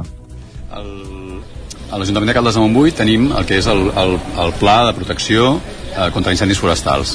Aquest és un pla que elaborem conjuntament amb la, amb la Diputació i, evidentment, és, eh, hi ha un control de bombers i de les associacions de defensa forestal. En aquest pla té una sèrie de desenvolupaments, de coses que s'han d'anar fent, com per exemple el que són, tot el que són les, les proteccions eh, prop de les urbanitzacions, val? i també l'actuació concreta que, que hem fet ara aquests darrers mesos, que ha sigut la, la neteja dels camins forestals que estan indicats per ser camins per on han de passar el camió de bombers. Martín explica que aquest procés preventiu es fa de manera regular cada temporada i és possible gràcies a la col·laboració entre diferents agents implicats. Hem fet eh, 11,6 quilòmetres, em sembla que és el, el que s'ha el que comptat d'aquests camins. Són trams que l'agent forestal de l'Ajuntament eh, regularment eh, comprova i és en aquest moment en, en què es detecten algun tipus de, de, de qüestió que s'ha de millorar d'aquest camí conjuntament amb, amb tècnics de la Diputació i eh, altre cop l'ADF la, el que es fa és decidir quins són els trams que s'han eh, cada any val? és una actuació que es va fent cada any o cada dos anys en funció del que, del que correspongui a banda de les actuacions sobre els propis camins i de control de la vegetació a l'entorn d'aquests, també s'ha aprofitat per fer una revisió, com dèiem, dels punts d'aigua destinats a l'extinció d'incendis forestals, així com altres actuacions contemplades en el Pla Municipal de Prevenció d'Incendis. Tot plegat ha tingut un cost de poc més de 14.000 euros pel consistori calderí. Gràcies, Roger. Més qüestions. A Vic estan de festa major. Eh, demà és el dia dels actes institucionals. Demà dia del patró, 5 de juliol, Sant Miquel dels Sants, i durant aquest primer cap de setmana de festa major eh, ja hem deixat enrere dos dels actes més multitudinaris del programa, la crida i el seguici infantil, Sergi. Les tres colles, la negra, la verda i la vermella, entraven a la plaça de la catedral aquest dissabte en una nova edició de la crida. En aquesta ocasió, Ajuntament i colles van optar per retocar-la i evitar els punts més conflictius uh, del recorregut uh, reduint els enfrontaments que es feien durant els tra el transcurs de la desfilada. Una edició més amable que no va perdre el seu habitual poder de convocatòria assolint el seu tradicional ambient festiu. Una de les novetats és que aquest any s'hi afegia la Pols Holly, que va acabar fent un núvol tricolor al lloc de l'enfrontament final. Malgrat la rivalitat amistosa que hi ha entre les tres colles, quan va sonar l'himne de la crida es, va un, es van unir per cantar, saltar i gaudir de l'essència de la festa major de Vic. En parla un dels participants, Santi Caselles. Això de dividir la ciutat de Vic en tres colors i que cadascú defensi el seu color pues, dona molt ganxo a la festa i sempre dintre el pacifisme, eh, la festa aquesta, o sigui, amb una rivalitat sana. I pel que fa a la festa major infantil, hi van participar un centenar d'infants que van replicar amb tot luxe de detalls el seguici de Sant Miquel dels Sants, una festa que va implantar-se l'any 2016 amb un objectiu més que assolit, fomentar el planter geganter a la ciutat. En parla eh, Eduard Costa, dels geganters del carrer de la Riera. Ens agrada molt i ens fa molta il·lusió perquè cada any tenim més participació més petits, vull dir que comencen molt abans d'això i ens fan plantejar les coses de que estem fent bé algunes coses i que el, el jovent aquest està creixent amb, amb aquests valors i ens agrada molt i animar que qui no ho ha vist mai i qui no ho hagi fet, que vingui, participi i ho disfruti. Aquesta setmana el programa desplegarà actes com el concert de Doctor Prats, avui a la plaça Major, el seguici l'ofici de festa major demà dimecres i la cronoscalada i les barraques de cara al cap de setmana. La fàbrica La Blava de Roda de Ter, un dels mítics escenaris de les poesies de Miquel Martí Pol, de fet hi havia treballat, ha viscut aquest cap de setmana la tercera edició de l'Estiu a la fàbrica. Un festival d'arrel literària que pretén atraure a gent de totes les edats amb diverses propostes. Una de les novetats d'enguany ha sigut el Festivalet, una jornada per arribar a la literatura als més petits. En parla la directora de la Fundació Miquel Martí Pol, Montse Caral. El que nosaltres volem i pretenem és que cada any es treballi Miquel Martí Pol, és a dir, que hi hagi algun espectacle relacionat, però també amb d'altres autors i amb d'altres disciplines. Aleshores, per exemple, aquest matí hem fet el Festivalet, que hi ha hagut una, molta concurrència, molts tallers amb molts infants, precisament per apropar la literatura a les primeres etapes. Ha estat la primera vegada, n'estem molt contents, tot plegat per mantenir viu el llegat d'un dels poetes catalans més coneguts i que amb propostes com la de l'actor Ernest Villegas i la violinista Coloma Bertran amb el seu espectacle Les clares paraules on comparteixen textos, poemes i reflexions de Miquel eh, Martí i Pol per conèixer la part més personal del poeta combinat amb la música del violí. Això ho expliquen. Mm, en, en aquest cas hem treballat molt a, a, creant una mena de diàleg no? és el que buscàvem en tot moment i bueno, es, hi haurà moments doncs, que, que interactuem junts hi ha moments que, doncs, que cadascú té com el seu lloc. En cas el que sí que no hem fet és musicar poemes de Miquel Martí Pol és a dir, eh, treballem a partir del material que ens passa la Fundació i, i la coloma de material que té guardat eh, en calaixos i calaixos durant el cap de setmana a la fàbrica s'hi va poder trobar tot tipus de tallers de poesia orientats sobretot cap als infants. També actuacions com les d'Arnau Tordera, Guillem Ramisa o Gemma Humet van ajudar a ambientar aquest festival que uneix la música, la poesia i la cultura i que un cop més han aconseguit que es torni a sentir la veu del poeta. Encara a la plana cultural, concert de la Coral Encant al, te, al Tarambana de Cardedeu aquest passat divendres, amb un repertori de cançons ben diverses a capella, volent transmetre la seva passió per la música pel grau Ràdio Televisió Cardedeu. El cor Encant va néixer a Cardedeu ara fa 6 anys, una coral femenina on les seves integrants demostren el seu encís per la música a través del cos i la veu. Assagen cada dimarts a l'espai gastronòmic Tarambana, on el divendres 30 de juny han actuat, en un concert on han cantat peces d'arreu del món, des de cançons de Nova Zelanda a temes de Finlàndia i normalment són cançons que tenen un missatge, que volem explicar alguna cosa, no? que ens ressona d'alguna manera. I, I justament aquesta vegada vam parlar una mica d'això, de, de reconnectar amb la natura i donar valor de tot això que tenim envoltant i que nosaltres també som part d'això i que hem de cuidar la terra. Des de la seva creació, l'agrupació ha tingut noves incorporacions i algunes baixes.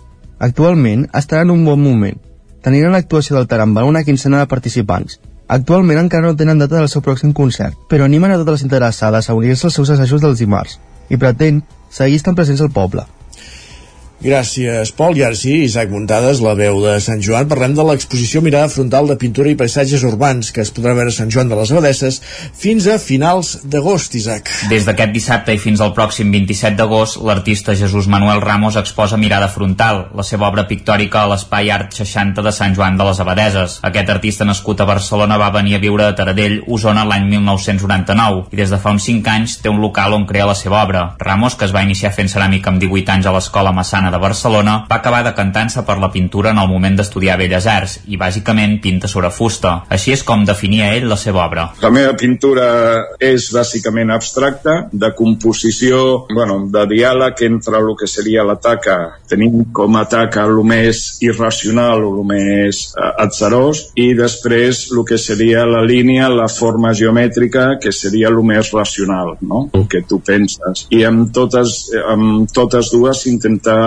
trobar un equilibri plàstic sobre una superfície. Aquesta seria la definició. Ramos treballa molt amb tons blaus i terrosos, també fa servir molt les transparències i els vernissos, posant una capa sobre l'altra. L'obra de Ramos també recorda un estil paisatgístic, però alhora abstracte. He intentat posar els elements d'una forma que recordin a paisatges, en principi urban, vistos des de lluny, i per això el títol de mirada frontal. Jo mai he sigut paisatgista d'agafar una foto, de sortir al camp i pintar el que veia, però ara aquí és com si m'hagués inventat uns paisatges que, que tenen a veure amb el que l'home fa quan s'apodera d'un paisatge, no? Ramos suggereix les formes d'una xamaneia, la teulada d'una fàbrica, un pont o una torre de telefèric.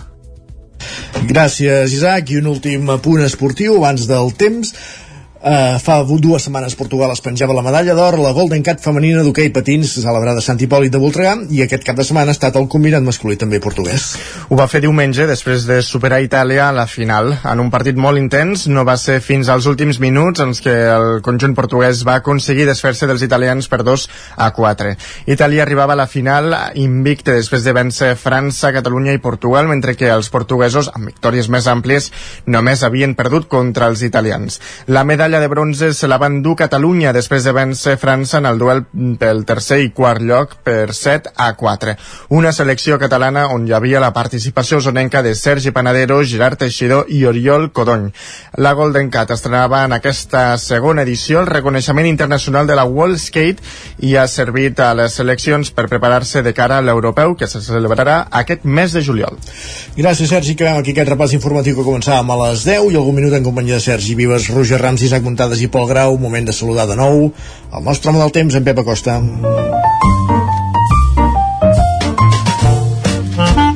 Casa Terradellos us ofereix el temps. Pep, quin temps farà avui? Benvingut de nou. Avui anem pel dia d'avui, que serà un altre dia inestable. Avui al matí hi ha bastants núvols, eh, ben d'hora, migdia, eh, creixeran nuvolades i poden tornar a caure tempestes. Un altre cop, eh, irregulars, eh, jo crec que amb més força també cap al Pirineu, cap al Montseny, cap a les Guilleries, Uh, però és molt difícil de predir on, on, on plourà més. Les temperatures molt a ratlla, la majoria màximes entre els 25 i els 28 graus. Torno a dir, això també s'acaba, eh? Aviat temperatures molt més altes. I eh, vents febles, direccions variables, i això, al moment de tempesta hi pot haver ventades, hi pot haver alguna, alguna claversada, eh, precaució perquè les tempestes poden ser fortes, especialment, com deia, Guilleries, Montseny i Pirineus. I les temperatures, de moment, un luxe. Eh, ja som a 4 de juliol, ja han passat bastants dies, eh, però bueno, de que falta, encara n'hi haurà moltíssima i la setmana que ve serà una, una, una, una setmana dura pel que fa a la calor. Aprofitem aquesta setmana perquè ja, vind, ja vindran dies de, de forta, forta, fort sol i forta calor. Moltes gràcies, fins demà. Demà farem balanç de tot plegat d'aquestes tempestes que acabaran avui. Adéu, bon dia. Doncs va, demà fem balanç. Gràcies, Pep. Fins demà. Casa Tarradellas us ha ofert aquest espai. Territori 17. Envia'ns les teves notes de veu per WhatsApp al 646 079 023. 646 079 023. WhatsApp Territori 17.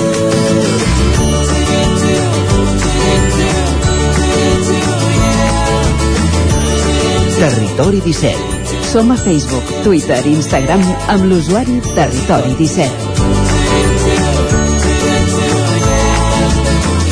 Mig minut perquè sigui un quart d'onze del matí. Parlem d'economia al territori 17.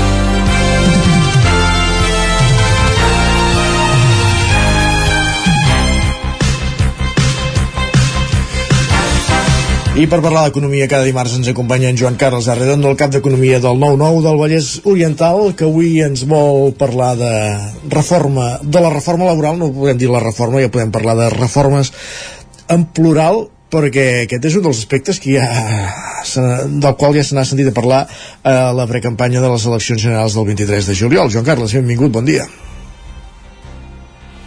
Deixem anar una mica enrere. Anem, anem, anem, anem, anem 2005, ara no, parla, no, no parlarem gens d'economia en aquest, aquest principi, eh?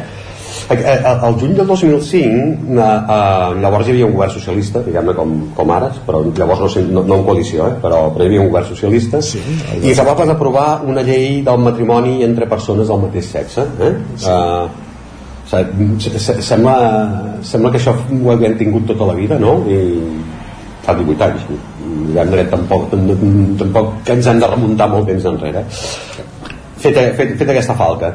Um, la dreta, que llavors aixoplugava sota la, les sigles del Partit Popular, uh, i, i, i també aixoplugava en, en aquestes llistes um, aquest spin-off que, que Vox, uh, va sortir al carrer per oposar-s'hi de manera molt ferma, eh? i el crit de esto es un desmadre, queremos padre i madre, desqualificaven una mesura que suposadament havia d'acabar no ja en el model de família, sinó amb la família en si mateixa. No?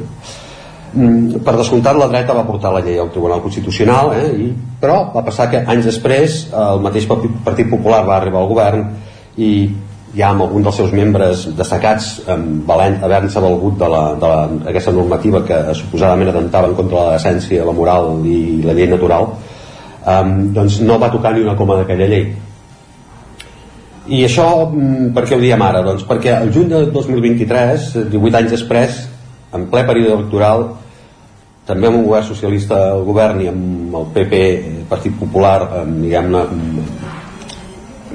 amb, amb aparença de, de, de, de saltar, diguem-ne, al, al poder, no? Doncs eh, ha tornat a abraçar el marxisme, eh? el Partit Popular abraça el marxisme, ho fa per la via Groucho, eh? de aquests són els meus principis i si no li agraden tinc uns altres. Sí. Tot això per què ve? Doncs per la reforma laboral, eh? la versatilitat ideològica, que sembla formar part del llibre d'estil d'aquest partit. No? Um, un altre petit flashback, només ens n'anem al febrer del 2022, els socialistes amb una coalició amb un grup d'esquerres aprova pels pèls una reforma laboral al mes de febrer de 2022 pels pèls i mai millor dit eh? Mm, ara, ara potser no ens en recordem però llavors va ser molt, molt, molt comentat eh? Va passar perquè un diputat del Partit Popular que havia sortit a trom, en tromba a criticar el text un text que provenia d'acords amb la Unió Europea acords amb els agents socials eh, tant, en, tant empreses com patronal doncs un diputat s'havia equivocat eh, amb un botó i va votar que sí eh, allà on volia dir no eh? sí. I, i, i ves quina confusió doncs, mira, mira, mira que no, no hi ha cosa més fàcil eh, que, que saber que una cosa és sí i l'altra és no doncs eh, aquí es va equivocar Eh, llavors el, el, aquella reforma era un veritable volcà polític. Tot i tenir el suport de la patronal i els sindicats, alguns partits que donaven suport al govern van aprofitar aquesta llei per, per passar-li factures pendents. Això Bildu i Esquerra Republicana també van votar en contra i li van retirar el, el suport i la llavors ministra de Treball i aleshores flamant vicepresidenta del govern Yolanda Díaz, avui candidata també a la presidència va estar a punt de tenir eh, un pas ben efímer per la política perquè si li tombaven la llei no tenia gaire sentit continuar uh -huh. eh, sigui com sigui la llei va tirar endavant i eh, poc acostumats a derrotes democràtiques els populars van tornar a portar eh, el, tema, el text al Constitucional per tant, la llei està vigent, però, però sota vigilància. Sí. Què ha passat en aquests 14 mesos? O, o, o posem-nos en, en el retrat actual. Eh? En ple període electoral, electoral apareix el líder del Partit Popular, el mateix partit que va portar la llei constitucional, i afirma que va ser un error votar contra eh, aquesta mm, reforma, que en realitat conserva a grans trets el que es recollia la que havia fet la seva formació quan governava i que no veu motiu de, de pes per derogar-la eh? Mm, recurs al Constitucional però no es deroga és un, diguem-ne que la neurona ara mateix m'està fent una mica sí. una mica desconcertada no? ell, Alberto Núñez Feijó el que es presenta a l'electorat com el gran derogador torna a fer allò dels, de, aquests són els meus principis i si no li agraden en tinc d'altres perquè diu derogarem tot però per, precisament la reforma laboral contra la qual van votar a la qual va portar el Tribunal Constitucional aquesta no la deroguen so que deu- deuran fer derogacions eh, derogacions en diferit eh? Sí. que això estan acostumats estan acostumats a fer coses en diferit com els acomiadaments en, en el seu temps amb independència de la discutible coherència que mostren aquestes declaracions parlem ara una mica d'economia, estem parlant molt de política. Eh, la decisió del, del líder de l'oposició i presidenciable amb, amb opcions de victòria denota una multiplicitat, una multiplicitat de, de conclusions possibles. Conclusions que mm, per, per no estendre'ns intentarem resumir en dues que per més que semblin distants no són incompatibles. La primera és que la reforma laboral no era tant reforma laboral sinó un pur retorn cosmètic això ho havíem dit moltes vegades, que no acabava de, de derogar algun dels aspectes lesius de l'anterior, especialment pel que fa a les facilitats per acomiadar. I la segona és que les dades venen a assenyalar que el mercat laboral espanyol, sigui per la mateixa reforma, sigui per l'evolució econòmica o sigui per la creativitat estadística que inclou la normativa, evoluciona favorablement. De- Després explicarem una mica això de la creativitat estadística. Um, evoluciona favorablement perquè hi ha més persones treballant que mai. Avui estan sortint dades dades que eh, lamentablement no, no, no, no, no puc donar, no, no puc donar-les perquè no, no, no, no, no, les, tinc disponi- no, no, no les puc processar eh? però estem amb prop de 21, 21 milions de persones eh, a l'estat que figuren com a, com a afiliats a la Seguretat Social això és un rècord i són 2 milions més que el febrer de 2022 quan es va aprovar la reforma laboral actual eh? Eh, l'eventualitat el treball temporal i per tant precari s'ha reduït notablement i ha passat del 25% al, del febrer del 2022 al 17%, una xifra que està en la línia de la mitjana europea. I tot plegat amb unes xifres d'atur que es van retallant, eh? el febrer de 2022, quan es va aprovar el retoc cosmètic laboral, eh? direm així, eh, hi havia 3,1 milions d'aturats registrats i aquelles persones que consten com a demandants actives d'ocupació i estan inscrites, això és el, el que és atur registrat, eh? i estan inscrites als registres de públics d'ocupació. Um, ara ara n'hi ha 2,7 milions, em falten les dades d'avui, però en tot cas són gairebé o més de 400.000 aturats menys que fa 14 mesos serien uns resultats que demostrarien doncs, que la reforma laboral ha estat substancialment bona com ara defensen els que ens van ser els seus principals detractors. Així es referia a l'assessor de campanya del, del presidenciable del Partit Popular. És substancialment bona. Eh, tot plegat seria una simple manifestació de cinisme polític si no fos perquè algunes de les qüestions que els populars i els seus coristes habituals han estat utilitzant durant mesos per desmentir les bondats de la reforma no deixen de tenir un pòsit de veritat és cert que el rècord d'afiliació cavalca a lloms d'un retoc estadístic, allò que en dèiem creativitat estadística. Eh? Uh -huh. Els treballadors que tenen contractes fixos discontinus, que és un 3% del total d'afiliats, i per tant són 600.000 treballadors sobre els 20 milions de cotitzants, eh, no es donen de baixa en els períodes en què no estan treballant. Això sí que passava, i això feia incrementar les xifres d'atur en el nombre de mm, persones amb contractes fixos discontinus que no estiguessin treballant en aquells moments, però clar, són contingents elevats que et poden situar l'atur amb, amb unes xifres més elevades. No? Hi ha més afiliats també a la Seguretat Social que mai, mm, però el nombre d'hores treballades per aquest contingent tan creixent de treballadors és inferior al que hi havia abans de la pandèmia encara ara eh? sí. i això implica que hi ha més persones per tant que tenen jornades parcials per tant és un atac d'optimisme dir que la reforma és substancialment bona el que tocaria dir és que és una mica millor que la que hi havia que era la del PP eh? però clar, el PP tampoc diria mai una cosa així el resum d'aquesta història és que la reforma laboral en, més que reforma era un retoc cosmètic i això es va aprovar pels pèls per una lleugera millor va donar peu a una lleugera millora en els registres en part per la normativa i a part per afortunades coincidències eh, matemàtiques el partit més beligerant contra els canvis que ara pretén i, i, llavors ha passat que el partit que havia sigut més beligerant contra els canvis ara pretén atribuir-se la, la paternitat eh? la, la paternitat dels encerts però dels, dels efectes eh, no tant per què es va fer això? Mm, Per què es va fer aquesta manifestació? Mm, Aquesta manifestació el líder del Partit Popular la va fer en un context europeu, eh, a la Unió a Brussel·les, per, i clar, no convenia no quedar malament davant dels que havien sigut un dels impulsors de- d'aquesta de- de- d'aquest retoc de, de la reforma. Eh? Recordem que aquesta reforma es va pactar en Brussel·les eh, per, per aconseguir, diguem-ne, accedir a, a fons europeus i per tant, diguem-ne, no podies mossegar la mà que donava de menjar, diguem-ne, no? Seria, el que pertocaria en, en aquest cas, no? I per tant va anar a Brussel·les i no podia d'allà dir "Hosti, tot, tot, tot, tot, tot, el que van pactar amb vosaltres és, és bastant dolent, no?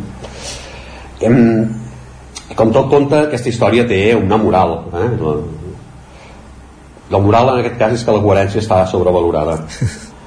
Eh, ja va ser incoherent el que havia fet el govern espanyol de retocar una reforma que s'havia anunciat prèviament que es, es, es derogaria de dalt a baix. I l'únic que es va fer va ser això, eh, retocar alguns aspectes i els més lesius com el tema de, de l'acomiadament eh, diguem com, com el tema de les facilitats en l'acomiadament eh, no es van acabar tocant. Eh, però intentar rebentar el retoc primer i lluar-ne els resultats després que és el que ha fet el PP, és un veritable exercici d'equilibrisme que potser seria digne d'estudi eh, en, el, en les millors escoles de, de pensament polític. Està clar. Uh, ho apuntava Joan Carles durant la, la secció. Avui han aparegut noves dades d'afiliacions que parlen de, de xifra rècord. Llegim directament del 324 a Catalunya les afiliacions a la Seguretat Social al mes de juny es van tancar amb 3,74 milions d'afiliats a Catalunya és a dir, 3.740.000 afiliats un 0,71% més que el maig. La tendència també és la mateixa a l'estat espanyol a tot l'estat eh, on si el maig es van superar per primera vegada els 20,8 milions d'ocupats, al juny s'hi han sumat aquesta xifra més de 54.000 persones i s'ha arribat a un nou màxim històric de 20,8, 20.869.940 afiliats, segons aquestes dades fetes públiques avui, nou rècord d'afiliació a l'estat espanyol. Hem parlat d'aquests posicionaments a la reforma laboral en funció de com bufa el vent per part de, del PP en aquesta precampanya de les eleccions i ara apunta, aportàvem aquestes dades. Joan Carles, moltes gràcies i ens retrobem la setmana que ve. Gràcies a vosaltres. Bon dia. Bon dia. I nosaltres el que fem tot seguit al Territori 17 és una petita pausa i de seguida ens arriba la Natàlia Peix amb les piolades del matí. Fins ara. El nou FM, la ràdio de casa, al 92.8. A Bailen sabem que quan té una avaria a la seva caldera vol una solució ràpida. Truqui al servei tècnic oficial Bailen i els nostres tècnics vindran ràpidament a solucionar-li el problema. A més, si canvieu ara la caldera, us regalem fins a 300 euros. Truqueu al 910 77 88 77 o entreu a bailen.es. Si tens pensat canviar la caldera o posar aire condicionat, posa't en mans de Pradell. Tenen les millors ofertes.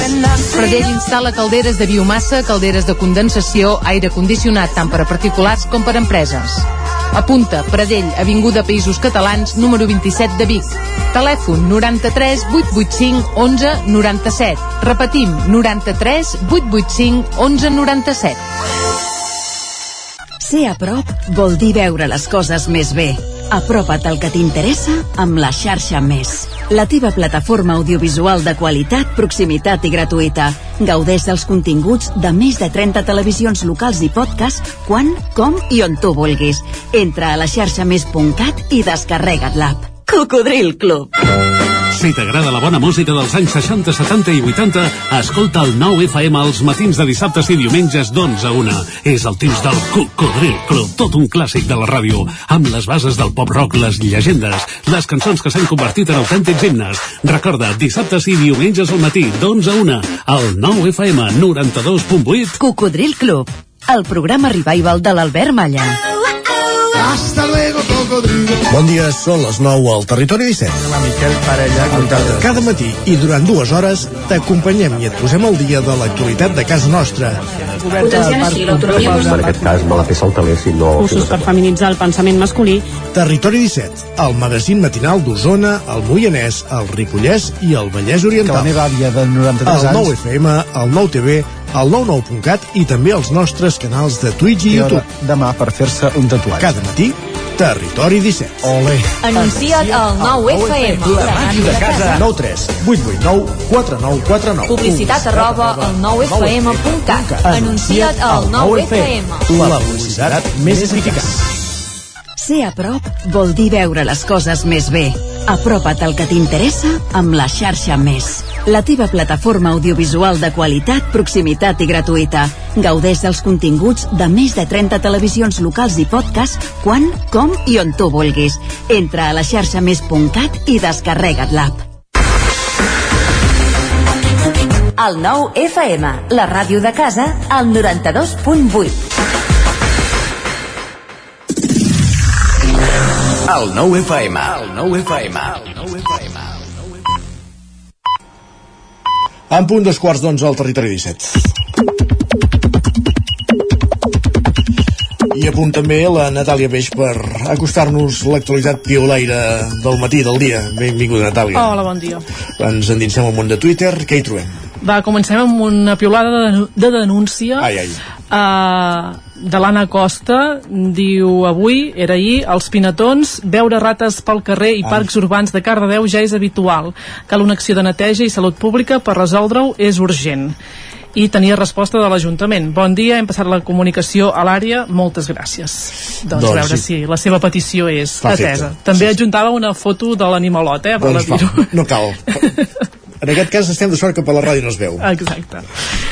Tornem al concert d'Eufòria, en Tornem. parlàvem ahir. Eh, hem recollit un parell de piulades que van en la mateixa línia, una de l'Arnau Tordera, davant el que probablement és l'aparador més gran del país per sensibilitzar les noves generacions. Els hi hem tornat a ensenyar que els músics, els, els instrumentistes, són una cosa accessòria i innecessària i que un concert és cantar sobre una base enregistrada. Una llàstima la música no era en directe. I també en aquest sentit es pronuncia l'Albert Cuesta. Fa una estona he vist un tuit dient que la música dels concerts d'Eufòria no va ser en directe i no m'ho podia creure. Però ara li he llegit el mateix a l'Àlex Gutiérrez, així que era veritat.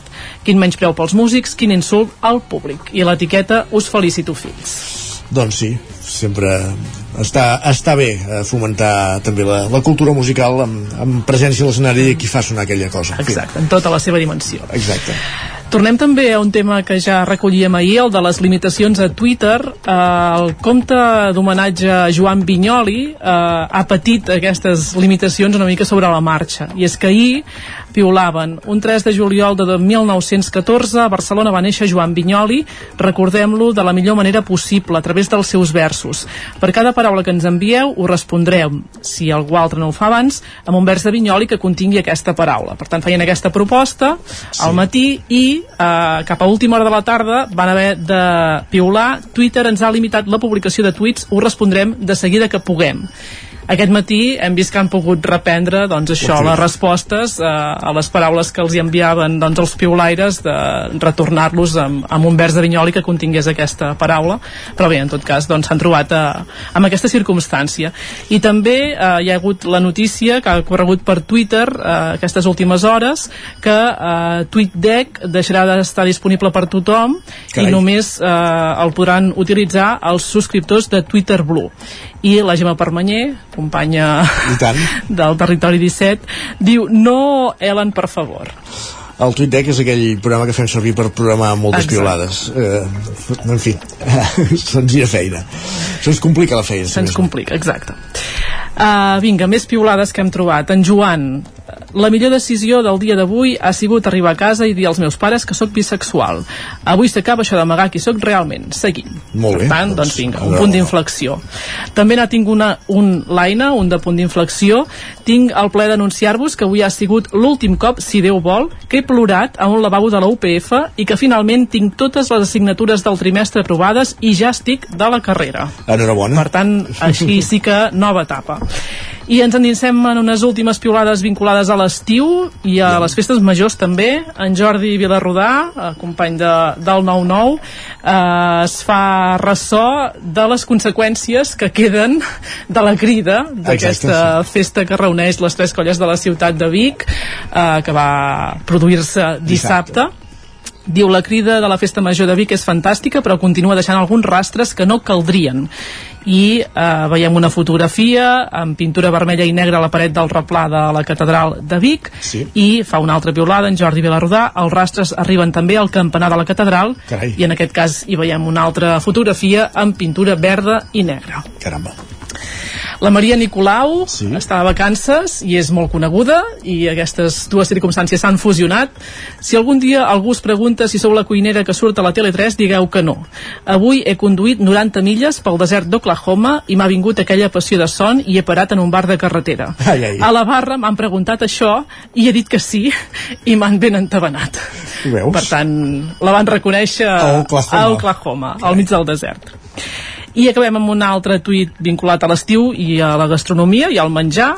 El calendari dels pagesos ens il·lustra sobre les fruites del mes de juliol, que són Apunteu, albercoc, bacora, cirera, gert, meló, naviu, nectarina, pera, préssec, préssec pla, pruna i síndria. Préssec pla, que és allò que en diem Paraguai, suposo. Entenc que sí. Doncs ja estem il·lustrats. Gràcies, Natàlia. Vinga. Fins, la, fins demà. Bon dia.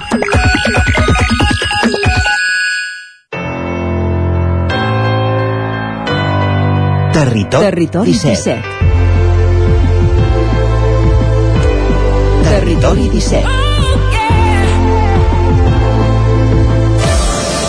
I superades les piolades és moment d'anar al racó de pensar. Avui amb la Maria López ens parla d'educar en sexualitat. Maria, Ràdio Televisió Cardeu, benvinguda una setmana més, bon dia. Bon dia, Isaac, i benvingudes una setmana més al racó de pensar, el nostre espai de debat social setmanal a Territori 17, que ens permet analitzar i posar sobre la taula tot allò que ens remou i que té a veure amb la salut, l'educació i el feminisme. I ens quedarem precisament amb aquests dos últims pilars del racó de pensar, perquè avui volem parlar d'educació, de feminisme, i afegirem aquí a l'equació la sexualitat. I és que avui volem parlar d'un projecte que conjuga aquests tres conceptes en una equació que aterra a Cardedeu aquest estiu. Mandràgores és un projecte cooperatiu que neix el 2016 amb la voluntat de contribuir en l'educació sexual i afectiva des d'una perspectiva feminista. La Laura Arcarons, la Carlota Coll i la Bruna Serra duen a terme aquesta tasca a través de tallers participatius i vivencials que busquen una revisió crítica de la sexualitat. Així que avui al racó de pensar parlem de sexualitat, feminisme i mandràgores. El racó de pensar, a Territori 17. I per parlar d'aquest projecte avui ens acompanya a l'estudi una de les membres de Mandràgores. Ella és la Laura Arcarons, tallerista i educadora eh, sexual. Bon dia, Laura. Bon dia. Em sortia l'educadora social, el tinc com interioritzat. Educadora sexual, ho dic bé? Sí. Per començar, explica'ns una mica qui sou Mandràgores exactament i què us va impulsar a tirar endavant aquest projecte.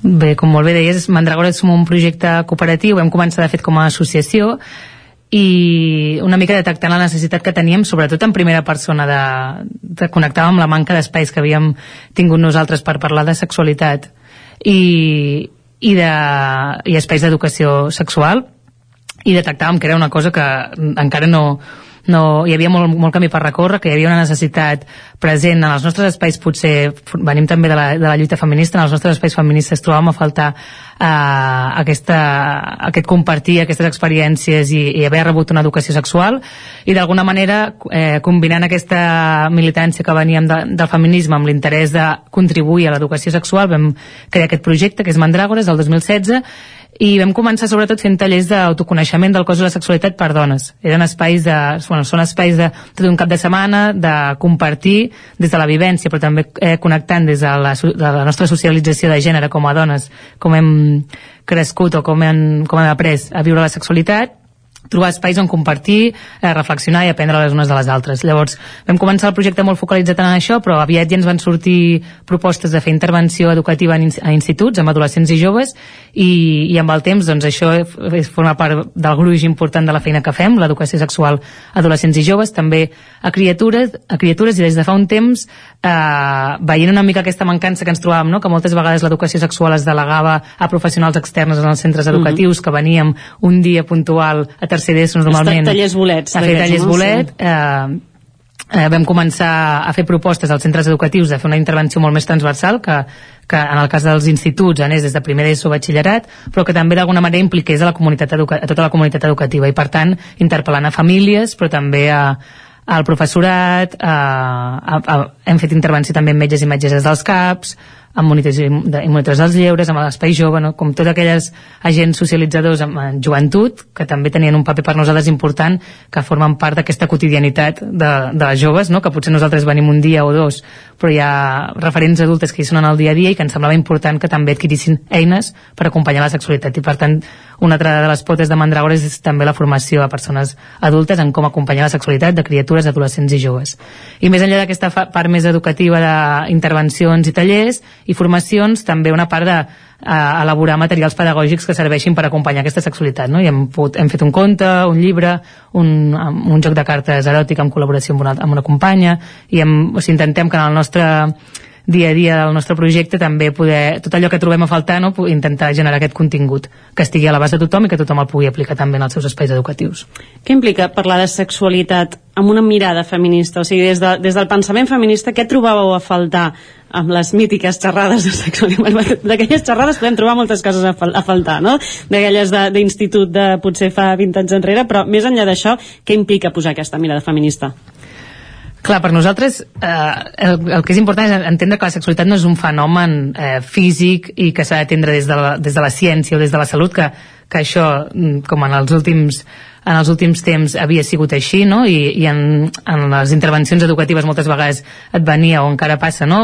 El llevador, llevadora, infermera, infermer a fer un taller centrat en la prevenció d'infeccions i embarassos, i moltes vegades des d'una mirada molt heterosexual. Uh -huh. I per nosaltres la, entendre la sexualitat des del feminisme és entendre que la sexualitat està a és un fenomen social i cultural, històric, no? que a més a més va canviant al llarg de la història, i que està travessada per un seguit d'opressions i de privilegis i que la nostra manera individual de viure la sexualitat tindrà a veure amb la nostra socialització de gènere, amb la nostra orientació sexual, amb el nostre context cultural o religiós, amb la nostra família, amb quina edat tinguem, no? I tot això ens construeix aquesta manera particular de viure la sexualitat. I per tant, quan acompanyem la sexualitat no podem fer com un fenomen que tothom viu de la mateixa manera, de manera homogènia i com una cosa únicament física, sinó eh, un fenomen que s'ha atravessat per aquestes desigualtats o fins i tot per les violències, no?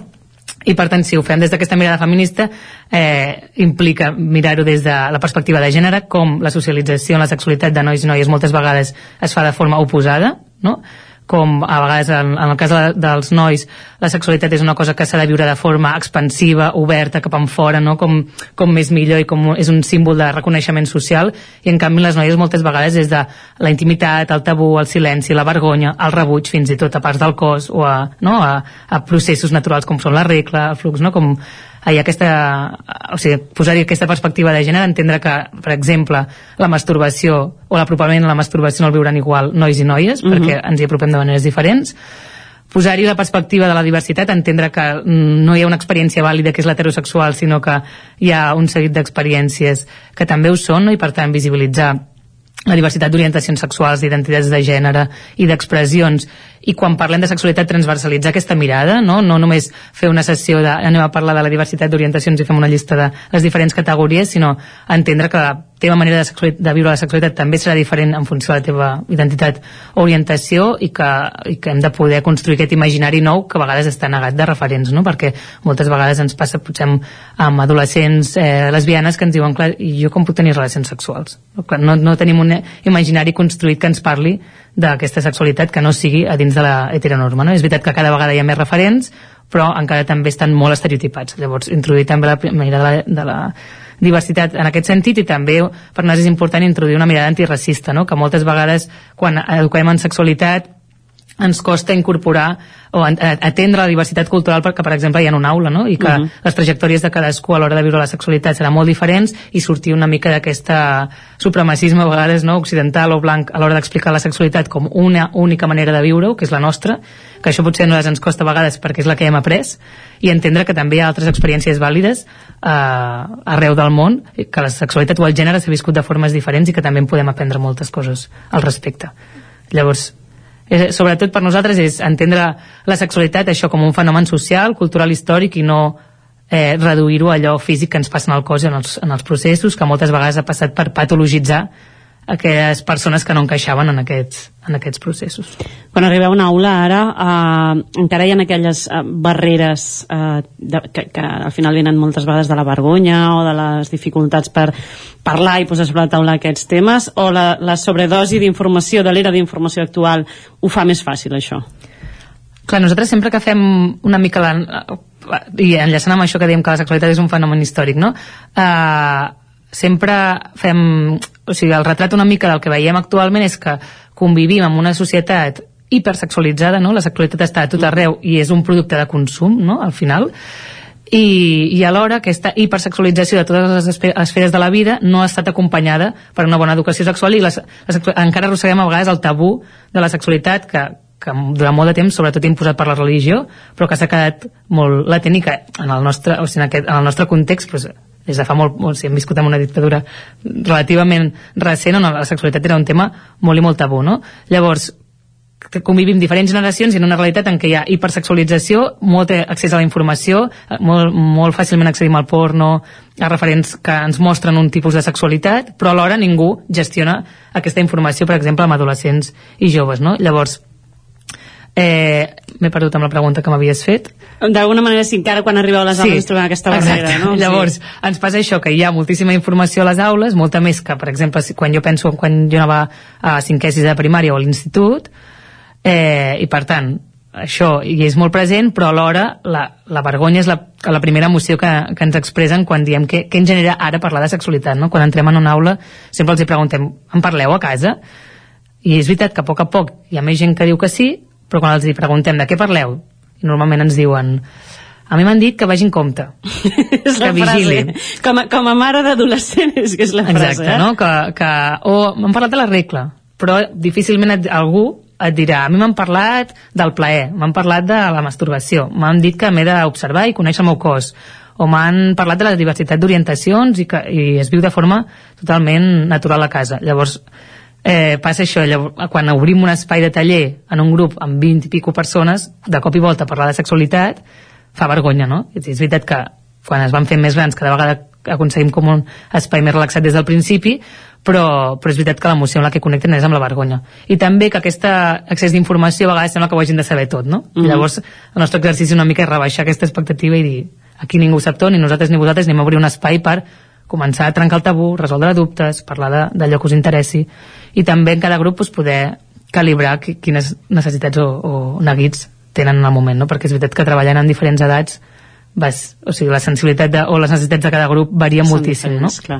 Corregeixo-me si m'equivoco, però tinc que la sensació de que sí que és veritat que a nivell de parlar eh, des de la família, des de l'escola, sobre els diferents tipus de relacions afectives és una cosa que s'ha treballat, però quan fiquem el peu en el terreny sexe és quan mm, mm, ningú sap molt bé eh, com, com encarar aquests temes, no? I a més a més jo crec que és una complicació a dues bandes, perquè no és que tinguis eh, un jove o una jove insistint per parlar del tema, és que crec que, que ni l'adult eh, sobretot si el tens a casa no? està preparat per encarar-ho ni el jove tampoc insisteix massa per parlar-ne no? és aquí una, una doble dificultat no? Sí, per nosaltres la principal dificultat és no haver- no haver-ho naturalitzat abans, no? Que quan fem tallers en famílies és, clar, com, com, la primera demanda és com puc parlar, no?, amb, la, amb el meu fill filla, i al final, és, si, si des de casa no hem aconseguit que sigui un tema que formi part de la naturalitat, és difícil que, precisament en l'adolescència, quan tendeixen no, a dir, no, ara el meu, o sigui, trencar una mica amb aquest referent adult familiar, tu, vulguin, siguis tu la persona amb qui voldran parlar. Llavors, per nosaltres la feina prèvia és poder fer, haver posat el tema de la sexualitat, el cos, les relacions sobre la taula des de que són ben petites perquè ja hi és present, no? El joc, el descobriment, el, la recerca del plaer, la curiositat pel cos de les altres persones. Tot això ja hi és i ho hem d'anar podent acompanyar. Si no, atendre, o sigui, de cara a l'adolescència ja és molt difícil. També que moltes adolescents ens diuen clar, és que me'n venen a parlar i és que estan super incòmodes els meus pares, no? Llavors, clar, és que a vegades detecten ja la, la pròpia incomoditat de l'altra persona i és un espai molt, molt rígid i molt difícil de fluir. I llavors, per nosaltres, eh, sempre proposem que potser si l'espai no és casa, garantir que hi ha una, un altre espai en l'entorn que sí que està- s'està treballant amb això, això. l'institut, l'espai jove, el cau, l'esplai, el grup de bàsquet, qui sigui, no? com que hi hagi espais que també en parlin, i després eh, fer servir altres coses que potser no sigui la conversa, no? Doncs és de, de regalar un llibre, deixar algun material per casa que puguin autònomament eh, pues, investigar o jo què sé, o aprofitar moments quotidians que pot ser una escena de sexe o un petó a la tele i que allà pugui sortir una conversa o una notícia no? que també ara són coses que és fàcil no? dir, ah, pues una notícia que es diu que el porno no sé què, què en penses? No? com aprofitar altres moments que no sigui allò seiem, Seiem i anem, anem a a parlar parlar. d'això no? anem a parlar i moltes vegades vinculat a, sembla que a, explica'm allò que has fet no? una mica Sí, des del control sí. o, o, o aquell interès de en quin punt estàs no? llavors això és molt incòmode perquè si no no no has parlat mai de cop i volta exposar-te a dir què has fet i què no has fet doncs no, Eh, no. no, no és fàcil. No. Uh, quan, posant, tornant a aquesta mirada feminista que dèiem a l'hora de parlar de, de sexualitat, quan entreu a les, a les aules o quan parleu amb, amb la secció més jove, uh, on trobeu que, que encara està com més, en quins temes trobeu que està més instaurat encara l'heteropatriarcat? Nosaltres sempre diem que amb el, el, tabú, amb el tema del tabú de, de la masturbació de les noies és un tema que encara hi és molt present, que és veritat que ha canviat que a partir de quart o batxillerat és una cosa que comença a posar-se sobre la taula amb bastanta naturalitat, cosa que jo quan anava a batxillerat no passava. Llavors, creiem que continua en, en una etapa però que es va trencant a poc a poc. Eh, un altre mite que està molt present és el tema de la virginitat, la pressió, no? Com el, el... Sembla que hagis de, no? Sí, tothom ha de passar per no això, siguis no? l'últim, no? Exacte. Tothom hi ha de passar, eh, que no siguis l'últim, com sempre, amb aquesta sobreimportància de la, la pràctica de la penetració per sobre la resta, no? Hi ha tot un ritual al voltant d'això, i en canvi no tenim aquests rituals per altres pràctiques sexuals, no? I per tant, sí o sí, tothom ha de fer aquesta pràctica sexual per definir que ha tingut una relació sexual. Llavors, aquesta jerarquia de pràctiques, on la penetració continua sent, la penetració d'un penis a dins d'una vagina continua estant al centre de la sexualitat, això és molt present i és present a les adolescents i joves i és present també en les persones adultes, no? Mhm. Llavors, això és un tema que nosaltres li posem bastant d'èmfasi, però intentar ampliar l'imaginari de pràctiques, l'imaginari de plaers, no? com que hi ha persones que podem sentir plaers de moltes maneres diferents, en moltes parts del cos diferents, i no han de passar per aquesta pràctica, que és una opció que té, tenen les persones però que no és obligatòria, no?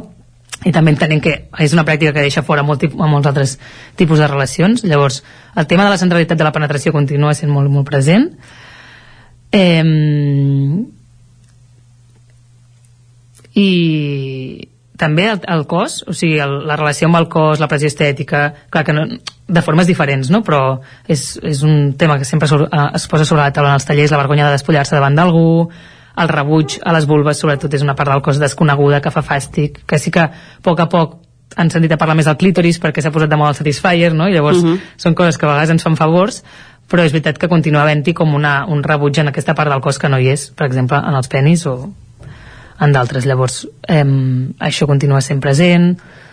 Eh, sí, amb el tema de la diversitat d'orientacions i identitats, una mica a vegades en funció del context, hi ha espais en els que s'ha pogut donar com un espai de llibertat, però és veritat que quan nosaltres parlem a l'aula, sempre que preguntem si l'aula és un espai segur per sortir de l'armari, la resposta unànime és no. És no? És no, sempre. Estava convençuda que seria una cosa que hauria canviat. Llavors, sí que és una, per això és un... Quan, quan treballem en famílies o amb, amb professorat és, tenen la, la percepció de això és una cosa que ja està superada, sí. eh, hi ha molta diversitat d'identitats, ens perdem, no? com van molt, amb- molt per davant nostre, però per molt que hi hagi com tota aquesta conceptualització, que hi ha molts més referents i que és veritat que, que, que, hi ha més, o sigui, que hem avançat en drets, continua sent un espai hostil l'institut o les- el centre educatiu per sortir de l'arma- per sortir de l'heteronorma. O sigui, Estem això... molt més enrere del que s'hauria d'esperar perquè per, per la sensació que dona no? a, nivell, a nivell societat. Sí, i a part d'això, eh, a o sigui que és veritat que, que també hi ha un auge de discursos feixistes, masclistes, i que això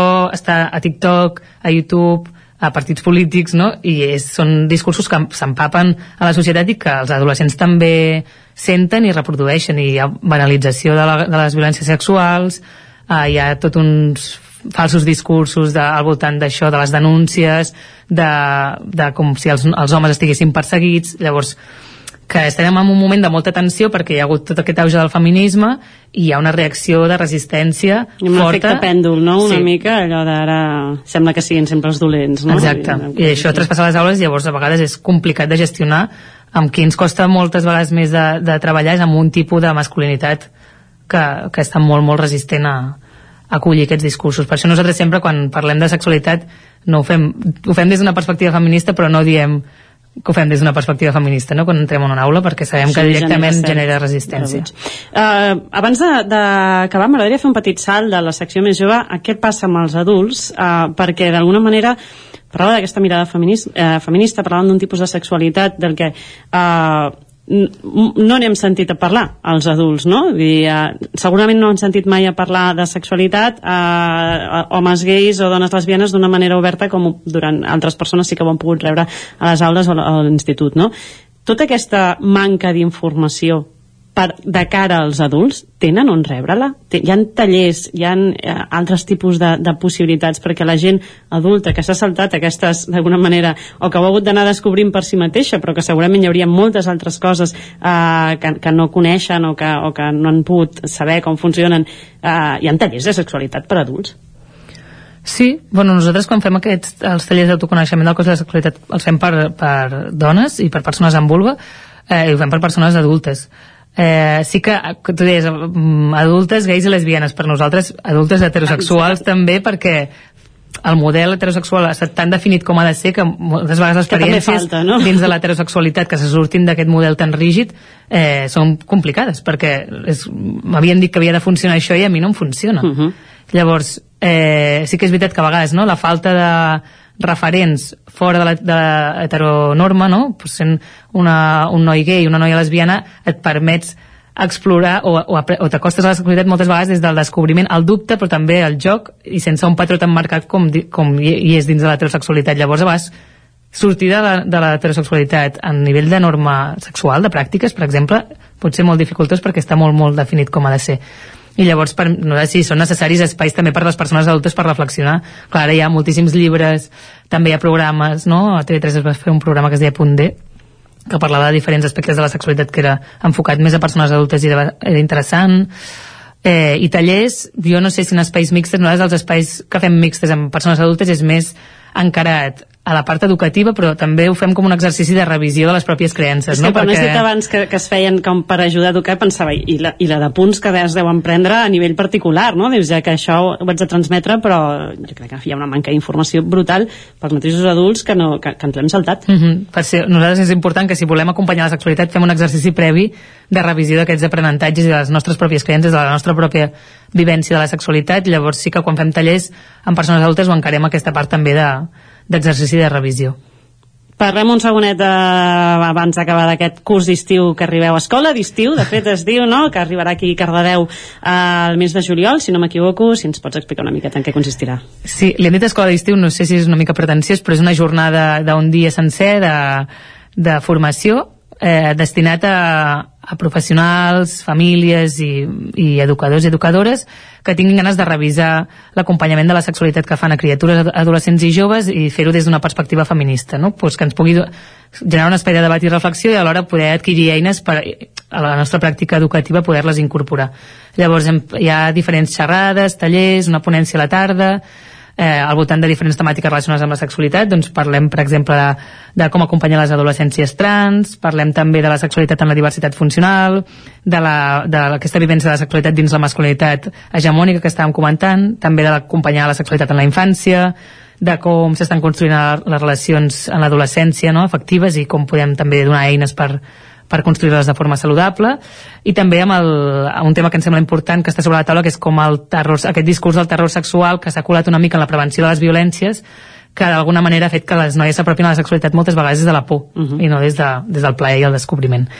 I després tenim una ponència a la tarda per parlar de, de com fem educació sexual des d'aquesta perspectiva eh, antiracista i interseccional que comentava abans i un espectacle al vespre per parlar de la intersexualitat, que també creiem que és un tema encara molt tabú, que és aquesta I de LGTBI encara molt desconeguda i, que en forma d'espectacle i després una mica de debat eh, posa- posarem sobre la taula. I a part d'això tindrem un espai també d'exposicions i de paradetes amb, amb va de llibres, art i joc, amb una exposició de genitals diversos de gent còsmic i la idea és un, això, una jornada una mica de reflexió, debat al voltant de la sexualitat, de trencar una mica amb aquest tabú també i posar-ho en un espai eh, obert. Sí que són inscripcions limitades, llavors això és important perquè perquè ja tenim bastantes, ens queden poques places i això serà el 15 de ju- de juliol a l'espai eh, del Tarambana de 10 del matí, que també tenen un moment d'altaveu les joves de, de la Paqui uh -huh, de casa. Doncs uh, Laura Arcarons, moltíssimes gràcies per venir a explicar-nos una miqueta més uh, sobre Mandraures i aquesta escola d'estiu 2023 i sobre tota la tasca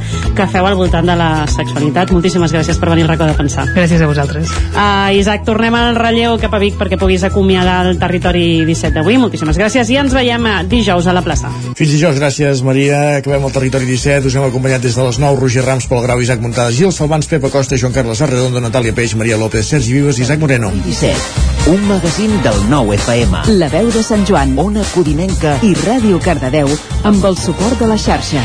I tornem demà a les 9.